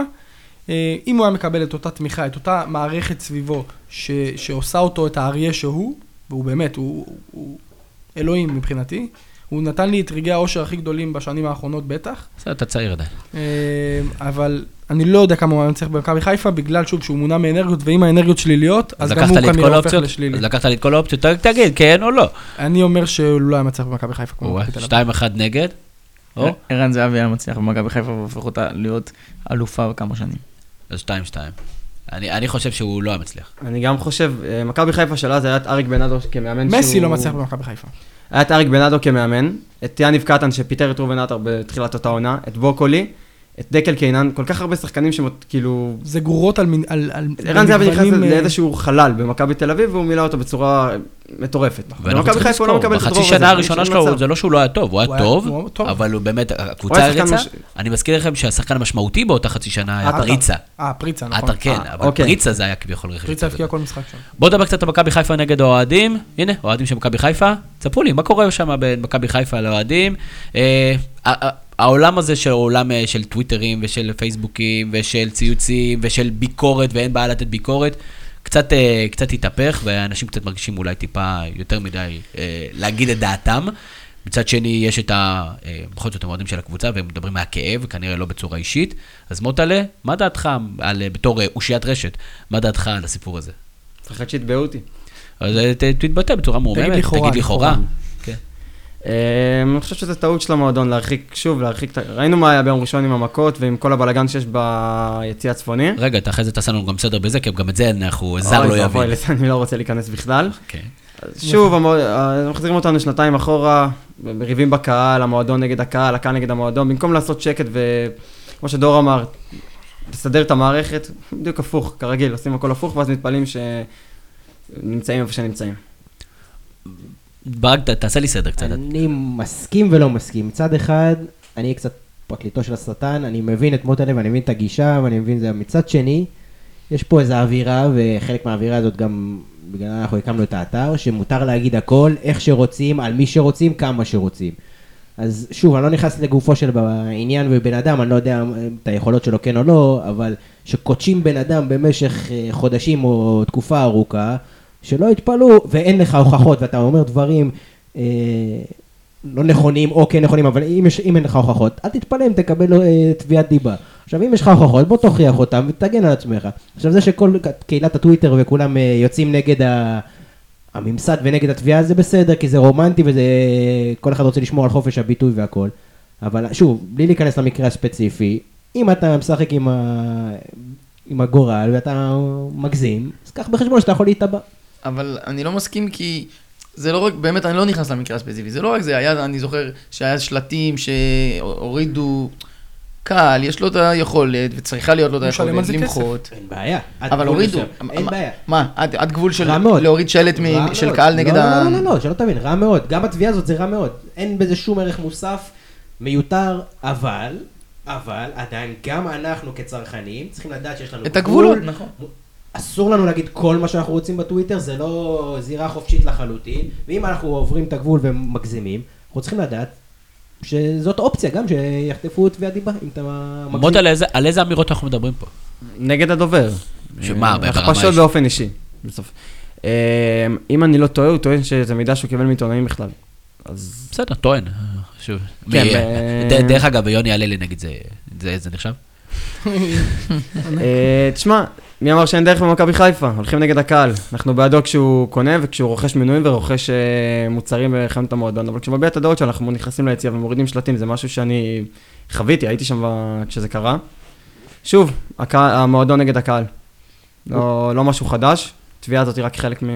מוטל, אני חייב לשאול אותך, ש- באמת אני חייב לשאול אותך שאלה. אני רואה אותך כאילו, אתה. ממש, אתה...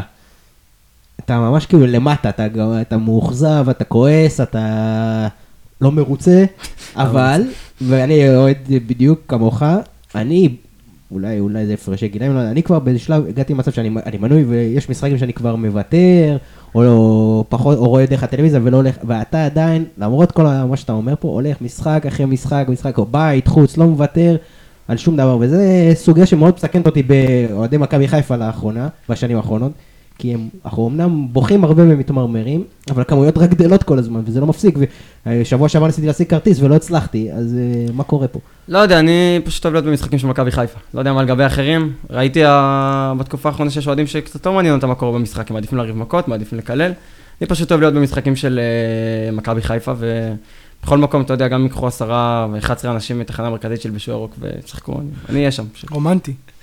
לא, זה, זה רומנטי וזה, וזה זה מדהים. נכון, אבל אבל. זה גם באמת בכמויות גדולות, מכבי חיפה זה לא רק אה, קהל של איצטדיון, זה כי עובדה שגם משחקי החוץ זה ככה, זאת אומרת, אני לא מצליח להבין איזה הבן אדם שפוי נוסע לראות אה, אגב, רעננה זה נגד רק בארץ. יש את השאלות האלה, בחו"ל זה תמיד ככה. אנחנו מעלים ב... יש לנו גם דף של פוטבול ליג של הליגה השלישית והרביעית באנגליה, שאני לא מפעיל אותו. כי יש לי קצת חיים, אבל... אה, אז אתה אומר, אה, ויש לך חיים. מפרסמים שם זה- זה אה? נתונים של קהל חוץ. ו- שמגיע ב-900, 1,000, בליגה שלישית ורביעית באנגליה, שפשוט מגיעים, לא משנה איפה הקבוצה שלהם ממוקמת, מה מה המרחק, הם מגיעים כי הם אוהבים את הקבוצה שלהם. אני- ו- ורק אגב, בארץ- אני לא רוצה לעקוץ יותר מדי, אבל במכבי תל אביב זה לא בדיוק ככה. כשלא הולך, אתם נעלמים. אה, אגיד, אני הבעיה לא- זה נתניה, אני חושב. הבעיה זה, זה בעיקר נתניה שהיא מקשה מאוד על החיים. אני רק רוצה להגיד דבר קטן בהקשר של התביעה של מכבי חיפה. אני חושב שזה טעות של שני הצדדים. קודם כל, אני לא אוהב אנשים שפוגעים בפרנסה של אותו דובר. אני לא חושב שזה ראוי ונכון. גם אם יש לך ביקורת, אז תיתן ביקורת על, ה, על, ה- על הדבר הספציפי, ולא על היכולת שלו לנהל אה, דוכן שווארמה. כאילו, באמת, זה, זה, זה לא, זה לא, כן, לכ- זה לא לכבוד הדובר ולא לכבודו, בטח של הדובר. של הדובר, משמע, המשתמש בטוויטר. אמ, אבל מצד שני, מועדון כמו מכבי חיפה, שאתם, בוא נגיד, אתם לא מככבים על המגרש. אז לפעמים תורידו את הראש, תספגו את הביקורת, גם אם היא לא נעימה וגם אם היא אה, טיפה כואבת אה, ומעליבה, אה, וברגע שיהיו, תהיו טובים, אז אה, תשתיקו את המבקרים. אה, ולתבוע את האוהד, זה כאילו, זה הכי לואו לדעתי, וזה לא לעניין. למרות שאני לא מעריך את מה שכביכול אותו עמוד עשה, כי שוב, לפגוע בפרנסה של בן אדם אישית זה, זה לא בסדר מבחינתי. לקחת את כל האופציות כרגיל. אה, אוחנה, אני רוצה- אוחנה. אני רוצה לחזור לנקודה הזאת שברק ברק העלה, ומוטלה מיישם. זו אחוות מדוכאים? זאת אומרת, אנחנו כבר כאן, למטה. לא, אני אגיד לך למה, כי במשך שנים, ברק זרק פה אה, עקיצה שהיא לגיטימית, אמר, אה, מכבי תל אביב אצלכם זה לא ככה, אם לא עובד, אז נעלמים. לא נעלמים באכזבות אחרי אכזבות, אלא דווקא נעלמים אחרי, כשהיית באיזה פיק מסוים, ואז אוהדי ההצלחות, או אנשים פחות מחוברים, אז רואים פתאום הבדלים מאוד משמעותיים בקהל. דווקא בשנים של מכבי תל אביב, בעשר השנים שמכבי תל אביב לא זכתה באליפות, דווקא שם היה כמויות מאוד גדולות של קהל. נכון. שוב, אחוות מדוכאים כזאת. יש גם את הציפייה של לחזור. אה, ואפילו המתח קצת יורד, ואתה כאילו מקבל דברים קצת יותר בסלחנות, ופתאום איזה ניצחון 2-1 עם גול של איזה יוסי שבחון כזה שמתגלגל פנימה, אתה מבסוט, איזה ואתה יובל אתה- אבידור אתה מפתיע. מקבל עוצמות אחרות לכדורגל, קצת פרופורציות, ואז כשבאמת מגיעה איזו עונה גדולה, אתה רוצה להיות שם. באמת שתהיה שם בעונה הגדולה, כי כי זה גלגל. כן, זה הטור שאני אכתוב עוד חמש שנים כזה, אני יודע, כבר... אה, דיברנו על זה, כל מיני משחקים כאלה שאתה... הפסדים איומים שאתה... 2-0 למכבי פתח תקווה בבית, כל מיני כאלה שאתה תיזכר בהם ב... כשאתה במשחק חוץ באירופה, אתה נזכר במשחק הזה ואתה יודע להעריך פי 10, אז כן, יש בזה משהו. אה, אם אתם זוכרים אצלכם את שתי העונות לפני האליפות של 2011 ו-2012, היה טירוף. הגלקטיקוס. כן, היה טירוף שידעו שזה עוד מעט קורה, זה עוד מעט קורה, וזה מה שאנחנו מרגישים. אנחנו תכף חוזרים, אה, אני מקווה, כן. אה, וזה זה חלק מזה, יש גם ציפייה, זה לא רק... זה לא רק אה, אחוות מדוכאים. אני זוכר שבשנה או שנתיים לפני, אני ישבתי, אה, ב- לקחתי את אבא שלי לבלומפילד, וראיתי משחק של מכבי תל אביב נגד אה, מארחת את אחי נצרת, והפסדנו 1-0, שער של יניב כהן, דקה 19. אה, יניב לוזון? יניב לוזון, סליחה, דקה 19, ואני אומר לך, ישבתי שם, ואבא שלי אומר, תגיד, מה, מה הבאת אותי למשחק הזה? והיה איזה 7,000 איש, ואמרתי לו, תקשיב, זה מה שאני אוהב לראות, כאילו, זה, זה הכיף שלי, ואם זה היינו. מנצחים הייתי חוזר מבסוט, מבסוט, מבסוט, מבסוט, וזה שהפסדנו עכשיו לאחרי נצרת זה לא כזה מדכא אותי, כאילו, לא נורא, לא, זה- הפסדנו זה עוד, מדכא אותי ואני עוד אחזור. זה לא משנה. והעוצמה של האליפות הראשונה, אחרי זה הייתה, עם כל השיאים בדרך, אה, לוגסי, דרבי 4-0, כל הדברים האלה, הייתה כל כך מטורפת, so stay in there, מוטלה, זה שווה את זה. וזה בכלל אולי מסר לאוהדים, זה גם לא להיות שחצנים מדי בכל הדברים האלה. אה, בואו נדבר קצת על אה, אה, איך אנחנו רואים, דור ואור, איך אנחנו רואים את הקהל של מכבי חיפה. האמת שאני באיזשהו, קודם כל מעריך מאוד את, ה, את התפקוד שלהם. תשמע, הם מגיעים בכמויות עצומות, גם אני בדרך כלל הולך למשחקים בסמי עופר נגדם, ואתה רואה, ממלאים את האצטדיון ומעודדים והכל טוב.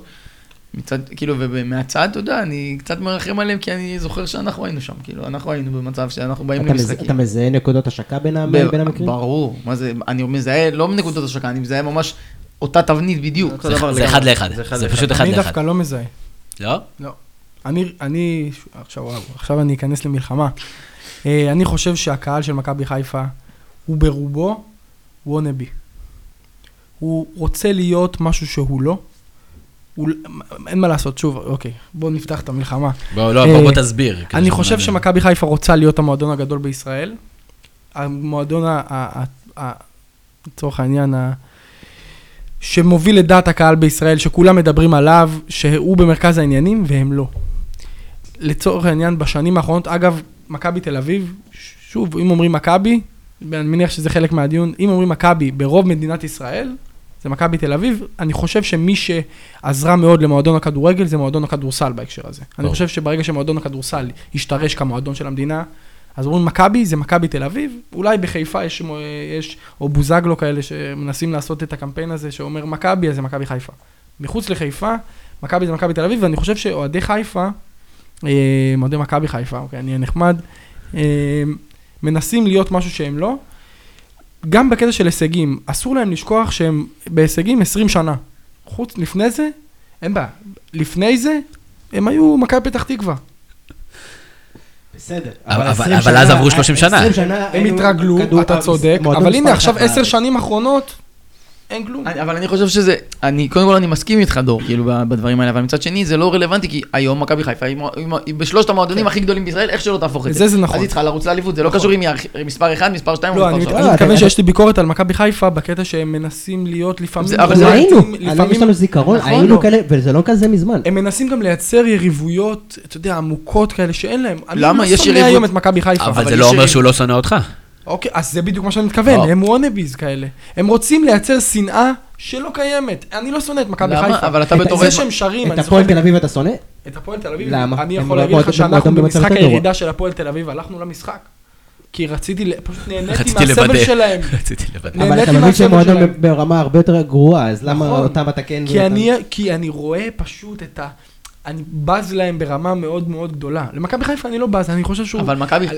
לצורך העניין, איך הם ניסו ליצור יריבות? היה את גמר גביע אירופה בכדורסל, מכבי חיפה הגיעה לבלומפילד, התחילו לשיר פנטינאיקוס, פנטינאיקוס, כאילו, למה לא אתם עושים שם, את זה? אבל היריבות. אין בעיה, אבל הם מנסים לייצר שנאה שאני לא שונא את מכבי חיפה, ת- כאילו, תעשו את שלכם, אם מכבי חיפה משחקת באירופה, תצליחו. כי אתה. אנחנו גדלנו בתקופות אחרות. בתקופה שלי, שאני גדלתי, תקשיב, מכבי תל אביב זה היה השטן הגדול, באמת. לא, אה, זה לא בדיוק, פחות מזה. מבחינתי מכבי חיפה היא לא השטן הגדול. כי אתה בתקו- בתקופת בגרות שלך, לצורך העניין, בשנים האחרונות, מכבי חיפה פשוט לא היו רלוונטיים. לא, אני יכול לזכור את בניון, בניון, בניון, בניון, שהוא הדביק את שטראובר שם לקורה בבלומפילד, וזה כאב לי מאוד, אבל אה, בסדר, כאילו, הם, הם פגעו בזרים ממזרח אירופה, אז הלך להם איזה חמש שנים. יותר מזה, אני לא אבל חושב שזה... אני, אני, אני, יכול להבין, אני יכול להבין את הסיפור הזה שאתה אומר, אני לא שונא אותם והכל. אני, דרך אגב, עוד מעט אגיד את הדעה שלי, והיא אולי קצת שונה בתור מישהו שהגיע מהצפון. אבל אתה יכול להגיד, אני, זאת אומרת, זו שנאה שהיא לא אמביוולנטית, וזה זה נכון. זאת אומרת, מכבי תל אביב, השנאה הראשונה שלהם זה לא מכבי חיפה, נכון. והשנאה הראשונה של מכבי חיפה זה כן מכבי תל אביב. בגלל זה אני, אני יכול להבין את זה, אבל עצם זה שאתה מזלזל בהצלחות המקצועיות, כי עם זה יש לי כי בעיה. אין היריבה העירונית שלנו הרבה יותר חלשה מהיריבה העירונית שלכם. נכון. נכון, אין- אין לי בעיה, אז הוא- אז הוא אומר, בסדר, לא היה לכם את מי לשנוא, אז החלטתם לשנוא אותנו. אני יכול להתחבר לא לזה, אני יכול להבין את זה. אני יכול אני לא להבין את זה. מזלזל בהצלחות מקצועיות, הם עשו דרך לא מאוד גדולה, הם היו לא מועדון, הכי גדול בישראל. הם עדיין מועדון עצום, נכון. ושוב, כי מועדון זה לא רק הצלחות נקודתיות, כמו ברור. שמכבי תל אביב בעשר שנים שהם לא הצליחו, זה לא נכון? זה, זה, לא, זה, לא אומר שהם, אה, זה לא אומר שהם לא מועדון גדול, כי מועדון גדול. מועדון זה לא רק, ומוטה ליום אחד מועדון לכתוב זה על זה. טור, מועדון זה לא רק הצלחות, זה גם אוהדים, זה גם מסורת, ואין מה לעשות, ב-30 שנה הם עשו מסורת, נכון. והם מרגזים, הם, תחשבו, הם האימפריה של כל הצפון. ילד נולד במטולה, הוא הולך להיות אוהד מכבי חיפה. נכון. תבינו את המשמעות של הדברים זה- האלה. הם שולטים על אזור מאוד גדול. וצריך להבין את זה. אור, אתה מסכים איתו? אבל עדיין הם לא הסנטרליסטים במדינת ישראל, לדעתי. יכול להיות, והם שוב, רוצים להיות. אבל זה המאבק, זה בסדר שיש את המאבק הזה. אה, אני חושב שחלק מהשנאה כלפי מכבי תל אביב על ידי מכבי חיפה זה לא רק היריבות המקצועית, אלא זה גם בדיוק. איך שמאתרגים את מכבי תל אביב. שהתקשורת כאילו יושבת בתל אביב, שח- ו- שם. והמובילי דעה הם בתל אביב, כן, זה מאוד, זה פריפריות מהצפון כן. שמרגישים נגד מקופחים. השחצנים והעשירים והזה. כן, נכון. יש, יש כאן טיפה יותר מורכב. כן, או. אמ, בגדול, אני מסכים עם דור בחלק מהדברים, אבל אני לא מסכים עם ה... בסוף, מכבי חיפה, כרגע היא המועדון, איך שאני תופס את זה, שהכי מאיים על מכבי תל אביב. כי ב- הזכרתי מקודם על באר שבע, שלדעתי בסדר, היא כמה שנים. היא בכל מקרה, אין מה לעשות, מכבי חיפה עם הכי הרבה אוהדים חוץ מאיתנו לדעתי, כאילו ביתר אני לא חושב את ה... יש את השמועה שביתר זה הכי הרבה אוהדים. בסוף בפועל אני רואה שיש 3,000 אוהדים בטדי נגד אשדוד. קהל של ביתר לא ממלא מיטת יחיד, אני לא מבין איפה כל השטויות האלה של ה... ומכבי חיפה, בית"ר ירושלים זה דרך, זה זה שליחות, זה- זה משהו מעבר כן, לזה. זה משהו זה יותר במשפחה, נכון, זהו, נכון. זה עובר בדם. אז אני לא רואה, אני לא רואה מועדון שמאיים על מכבי תל אביב יותר ממכבי חיפה. נכון. גם בהיבטים של מספרי אוהדים וגם בהיבטים של כסף. נכון? זה גם כדורגל, זה- זה לא שאם אה. עכשיו מכבי תל אביב לקחת אליפות, זהו, יהיה הכי גדול. זה- זה עכשיו- פשוט תמיד ילך לא, עכשיו בתור, בתור, אה, נקרא לזה אוהד מכבי תל אביב, ככה זה בכדורגל. בתור אוהד מכבי תל אביב או בתור מכביסט, אני לא חושב שהם באמת מאיימים עלינו, אני חושב שמכבי תל אביב היא כאן, היא המועדון הכי גדול והוא כאן כדי להישאר המועדון הכי גדול, אבל אה, אני מבין את האוהדים שלהם שהם כאילו, תשמע, מועדון כמו מכבי חיפה, שבע שנים או לא, כמה, שש נכון. שנים, לא להיות רלוונטי, זה הזוי. אבל אצלנו זה היה עשר שנים. נכון. אני רק דיברתי על העניין. של התפיסה של האוהדים, וזה מה ש... לא ראיתי את הממשקים כל כך. אז זה הוואנאבי, אתה אומר, הם חותרים לשנאה, ובוא נגיד, רוב השירים שלהם הם לא, נגדנו, ואנחנו, רוב השירים שלנו נגד הפועל, נכון. לצורך העניין. קודם כל, אני לא מזהה את זה כדבר התמיד, אני תמיד שואף לנצח את הכי טוב שיש. ואם לצורך העניין, עכשיו, בתקופה האחרונה אתם הכי טובים שיש, אין שום בעיה בסדר גמור. לשאוף בזה, אבל אה, אני גם לא חושב, ש- אני לא מרגיש גם אה, יותר מדי רגשי נחיתות אל מול מכבי תל אביב, בשום צורה, אבל אולי העניין מקצועית כן, אבל העניין של כמועדון. רק בחיפה יש. מכבי, לא ראיתי כאילו, זה- זה- זה- זה זה סוג של ליצור משהו שהוא לא קיים, מה הוא לא שאתה שם. אתה מכביסט, זה בדיוק הבעיה של כל מי שהוא לא מכביסט, שמרגיש כלפיכם, אתם מרגישים שאתם... וזה, אני מבין, לקח לי זמן לה- להכיל את זה, אבל עדיין לפעמים אני, זה מפריע לי, אבל אתם, יש לכם שיח והרגשה, ואני מבין את זה שזה משהו אמיתי, בהתחלה חשבתי שזה משהו פיקטיבי, משהו אמיתי, אתם באמת מרגישים שאתם יותר טובים מאחרים. נכון. וזה, אני לא מרגיש שאני אני יותר טוב מסרב מאחרים. להכיר בזה, אני מסרב להבין את זה, אני בז לזה, אבל וזה אני בסדר. חושב שאנחנו כמועדון, אני לא חושב שאני עכשיו גזע ארי וכולי. אני ברור, לא כבן אדם. אנחנו כמועדון אנחנו... לא אכפת לך שהם יחיו. אה, לא מפריע לכם לקחת את זהבי שהוא סמל אדום נכון. לא כל עוד- בינינו אני- זה כן אבל לכם זה הפריע שגל אלברמן הוא קפטן של מכבי חיפה? הפריע מאוד, הוא- לא קפטן יותר, אגב, הקופים הלכו לאימון והורידו... לא, את הסרט, לאוהדים ולא שלהם. זה הפריע. לנו, נכון, אנחנו זהבי, יודע מה, תגיד לי, שבן רייכרד תגיע למכבי, אני סבבה, אתה השחקן הכי טוב, אתה השחקן שיעשה טוב למכבי, אתה תהיה השחקן של מכבי. הוא אני- לובש אנחנו- חולצה של מכבי, אנחנו רואים נטו את הניצחון. אבל איך זה שונה ממה שאמר מוטלה על זה שמצידו 11, אז כל מי שירוק הוא הולך לראות אותו ואוהד אותו. בזה. התחברתי אליו, אבל עכשיו שאומרים לי אם אלברמן הוא קפטן, מה שמשנה לא, זה יש מעניין. גבול, זה לא שאני ארצה שהוא ייכשל, אבל בוא, קפטן במכבי חיפה זה סמל, איזה סמל. עכשיו זה רמי גרשון. סמל באינסטגרם, כן.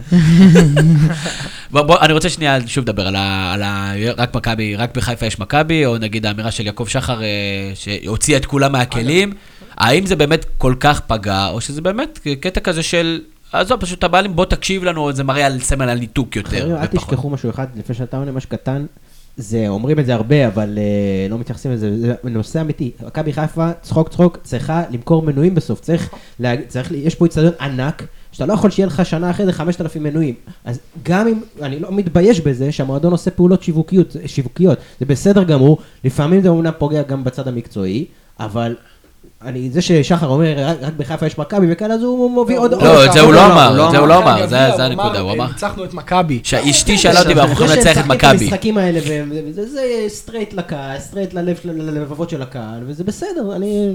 לא אתם צריכים לזכור זה שאנחנו לא מכירים משהו אחר, אצלנו אה, מכבי זה מכבי חיפה. זה נכון, האמת שזה הפתיע אותי כשההורים שלי עברו לחיפה, אני הלכתי, קראתי איזה עיתון מקומי, והיה רשום אה, זה, ומכבי ומכבי, אני כזה, מה? מה, מה, מה קורה? כאילו זה הכניס אותי לאיזה לופ, ו... אגב, זה לא התחיל, זה לא התחיל כהתרסה. זה- ככה הזקנים אצלנו אומרים, מכבי והפועל, אני גם אומר הפועל אם אתם שמים לב, הפועל זה הפועל חיפה, כאילו ככה אני גדלתי, וזה מה שאני מכיר. אבל שאלה למה זה מטריד אנשים, כשמישהו אחר, שהוא לא למה חיפאי, זה מטריד אומר אנשים? את זה. כי אם זה היה רק בתל אביב, זה היה סבבה, אבל כשזה בכל הארץ, וטוב, דיברנו על זה כבר שתל אביב זה מובילה דעת, אין, אה, אין טעם להיכנס לזה. טוב, בוא בוא נדבר קצת על מקצועית על המשחקים הקרובים. אה, מוטלה אמרת, לא רואה איך אנחנו מוציאים משהו מזה. אני דרך אגב בהחלט רואה איך מכבי חיפה מוציאה. בוא תגלה לי, אני אשמח אה, אשמח לדעת. אני עוד מצב- אני אספר לך אחרי אני חושב המשחק. שאין להם הרבה אנרגיות, הרבה רוח לחימה. כדורגל הרבה אין מה למכור, אולי רוקאביצה יטוס שם לאיזה. מתפרצת, יסחוט אדום. אה, בתקווה שטל בן חיים לא ישחק, כן? הבלם. כן, אין לנו טל בן חיים כבר. אבל מבחינת כדורגל אני לא חושב שיש יותר מדי מה למכור. אנרגיות, אולי איזה טעות בהגנה של אה, טיבי גול למשחק, אבל יותר מזה אני לא חושב שיש אני להם מה בדעה למכור. של דור לגמרי, אין לנו יותר מדי מה למכור, אני הייתי מאוד שמח לראות אמצע מעובה שיעזור ל... יעזור מול האמצע החזק של מכבי תל אביב במערך החדש, ורוקאביצה בחוד, כי נגד מכבי תל אביב זה משהו שהוכח כמוצלח. תסביר לי מה זה אמצע מעובה במכבי חיפה. אה, שאלה אדירה. שאלה טובה, אני לא- אני באמת לא יודע מי יקשר. מי, רועי קהת? אלברמן, קוסטדינוב ושלומי אזולאי. קוסטדינו, אבל הוא לא, הוא בריא? בקל לנו. הוא אמור להיות בריא ביום שני, גם נטע לביא אגב. קהת זה קהת זה מקרה שכטר, בכל קבוצה אחרת הוא יהיה שחקן... אני לא בטוח. אני גם חושב חושב שהוא. שחקן טוב.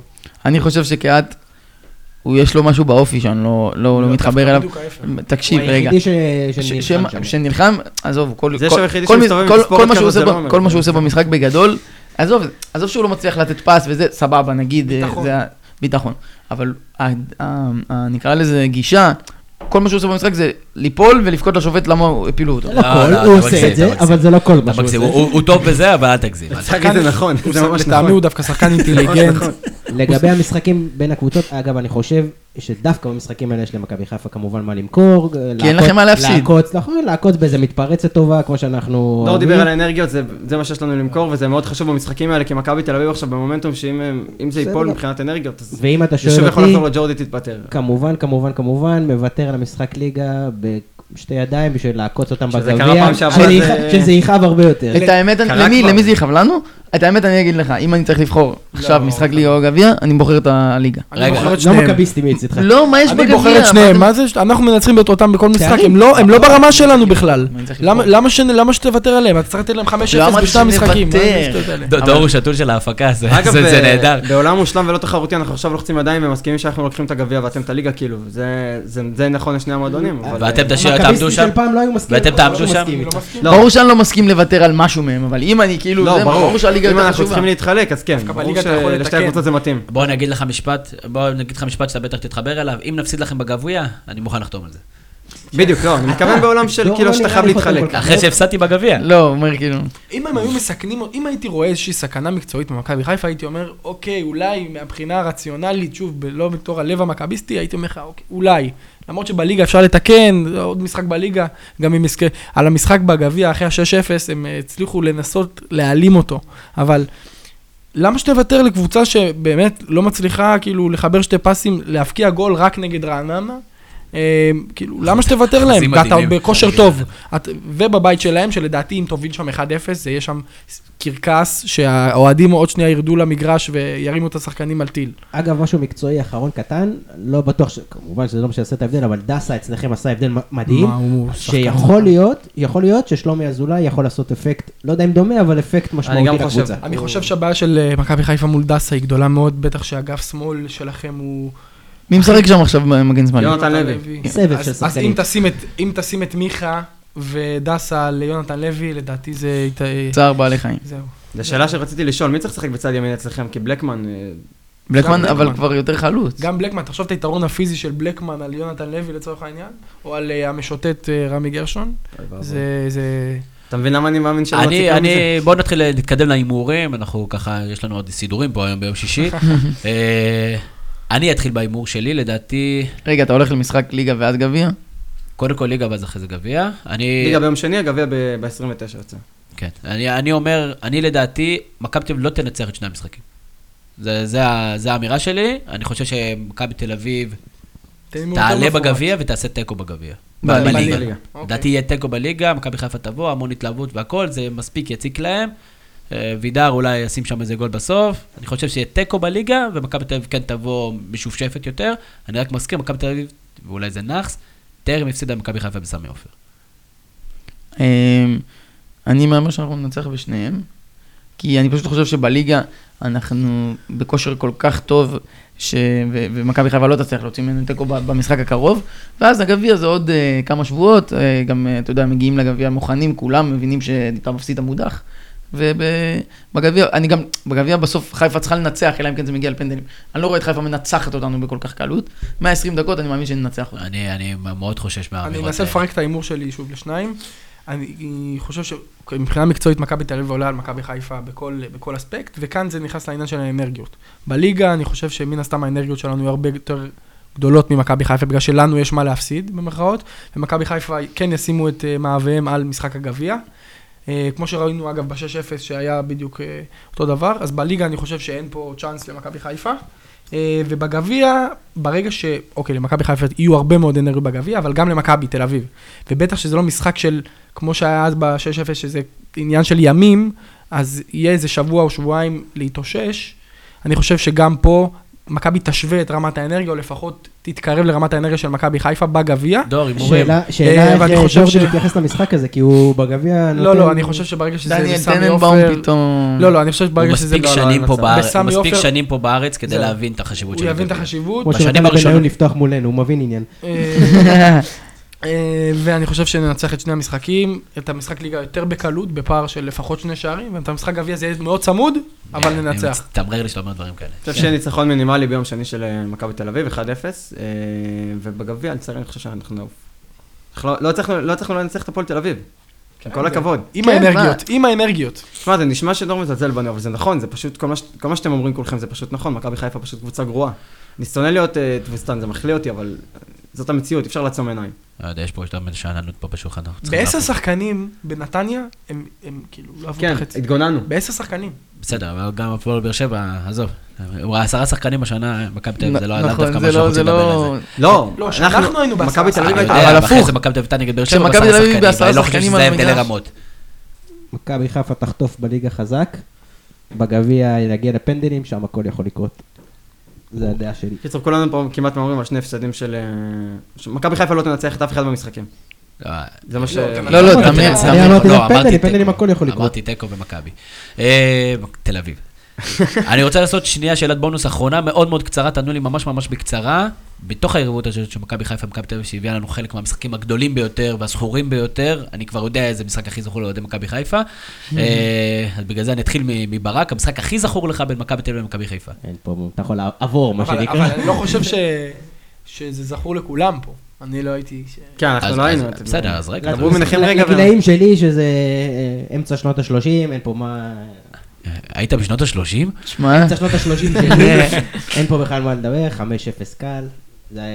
במשחק משחק ששתי הקבוצות. הגיעו, בלי שהם הגיעו ממש בטירוף בשיא הכושר, מכבי חיפה מנצחת 5-0, אני פשוט אה, מספר למי שלא הכיר. ראובן עטר, נכון? ראובן עטר לא- שלום לא מזרחי אבל- בדיוק, זהו. לא כבש. ההשפעות של המשחק הזה, זה עד היום ניכרות, אני חושב. חד משמעית. אם מכבי תל אביב הייתה לוקחת אליפות באותה עונה, אז כדורגל היה נראה שונה פשוט. באמת? אז עוד משחק, השני זה מאיר מליקה, שגם איזה... גם אותו אני סוחב את שבא. מילדות. שהוא הולך כזה, מקלל כזה מדי פעם, אתה, אתה מליקה בשבילי, אני לא רוצה לראות אותך יותר. דור, אה, טוב, זה די obvious שהיה 6-0. אה, אני אגיד למה, כי זו פעם ראשונה שראיתי את מכבי חיפה, שעד אז תפס, כאילו, גם היום אני תופס מהם כי משהו עם גאווה, שאתה אומר, אני אוהד מכבי חיפה, זה מועדון גדול, פתאום ראיתי אותם מתמוססים, הם פשוט לא היו שם. מכבי הבקיעה שערים כמו כאילו ילדים. אז זה היה, זה היה בשבילי זה היה מהמם, למרות שזה היה משחק מאוד עצוב, כי הפסדנו את האליפות, אבל אה, זה היה פשוט מדהים בעיניי לראות את זה. אור? דור אמר שזה obvious, אני דווקא, יש לי בחירה אחרת. אני חושב שהניצחון עם סוזה בקריית אליעזר, לדעתי זה היה 3-0. כן. נכון. אה, עם. הגול של אחרי פריצה. בערך עשר שנים שלא ניצחו בקריית אליעזר. זה, זה, שנים זה. מבחינתי סימן איזשהו שלב חילופי דורות. עברנו, עברנו מ- מ- מ- מתגוננים מול חיפה, של כאילו אנחנו מפחדים מהמשחק, אה, לוואלה חיפה אנחנו באים לשחוט אותם. כן, זה גם המשחק הכי זכור שלי. בשלילי, הח- החיובי זה ה-2-0 מהצמד של אה, תומר חמד בעונת האליפות האחרונה. שלקחנו אליפות בבלומפילד. בבלומפילד. זה היה. במחזור הראשון, אני חושב. לא, זה היה... לא, זה היה דווקא בפלייאוף, בסוף. המחזור השני המגול של שישבתי גדיר. שם ו- לשם הגעתי למשחק עם כאילו ידיעה שמכבי חיפה הולכת לנצח. אני, המשחק הכי זכור לי זה 95-96, מכבי תל אביב מגיעה 3-1. למכבי חיפה, אה, כשהיא יודעת שהיא בשלוש הפרש, היא יודעת שהיא מפסידה בקריית אליעזר, היא למעשה מפסידה, מפסידה את האליפות, מפגרת במחצית 1-0, דרור קשטן, ה- השחקנים יורדים לחדר ההלבשה, דרור קשטן אומר להם, תחזרו. פשוט הם עומדים עשר דקות על המגרש, בלי, פשוט מחכים למגרש, מחכים לחיפה. מחכים למכבי חיפה, הם, טוב, הוא גם דיבר לאט, אז הוא בטח דיבר ממש ממש "אתם מי המאמן של חיפה אז? עמד שם, שליימר?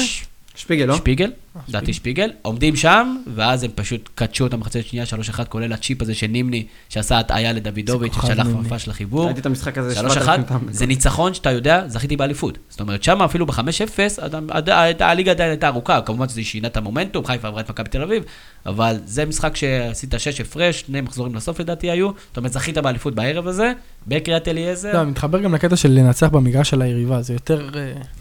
משחק חוץ תמיד יותר עוצמתי, ניצחון חוץ הרבה יותר מגניב להיות ב... מסכים, בגלל. זה אני חושב שבאמת ה-3-0 של סוזה היה יותר זה משמעותי. היה משחק משוגע, מבחינת מכבי תל אביב. זה והיו המשחק ש- שפתח להם את ה... והיו שנים שחיפה פשוט הייתה מגיעה לבלומפילד או לרמת גן, ופשוט רצים, כן. מפרקים אותנו, כאילו, היו יוצאים כל המשברים שלהם לא תמיד נגדנו, צ'אנס, כל לא מיני. פנטיני כאלה, שהיו פתאום דופקים לך איזה גולים 40 מטר.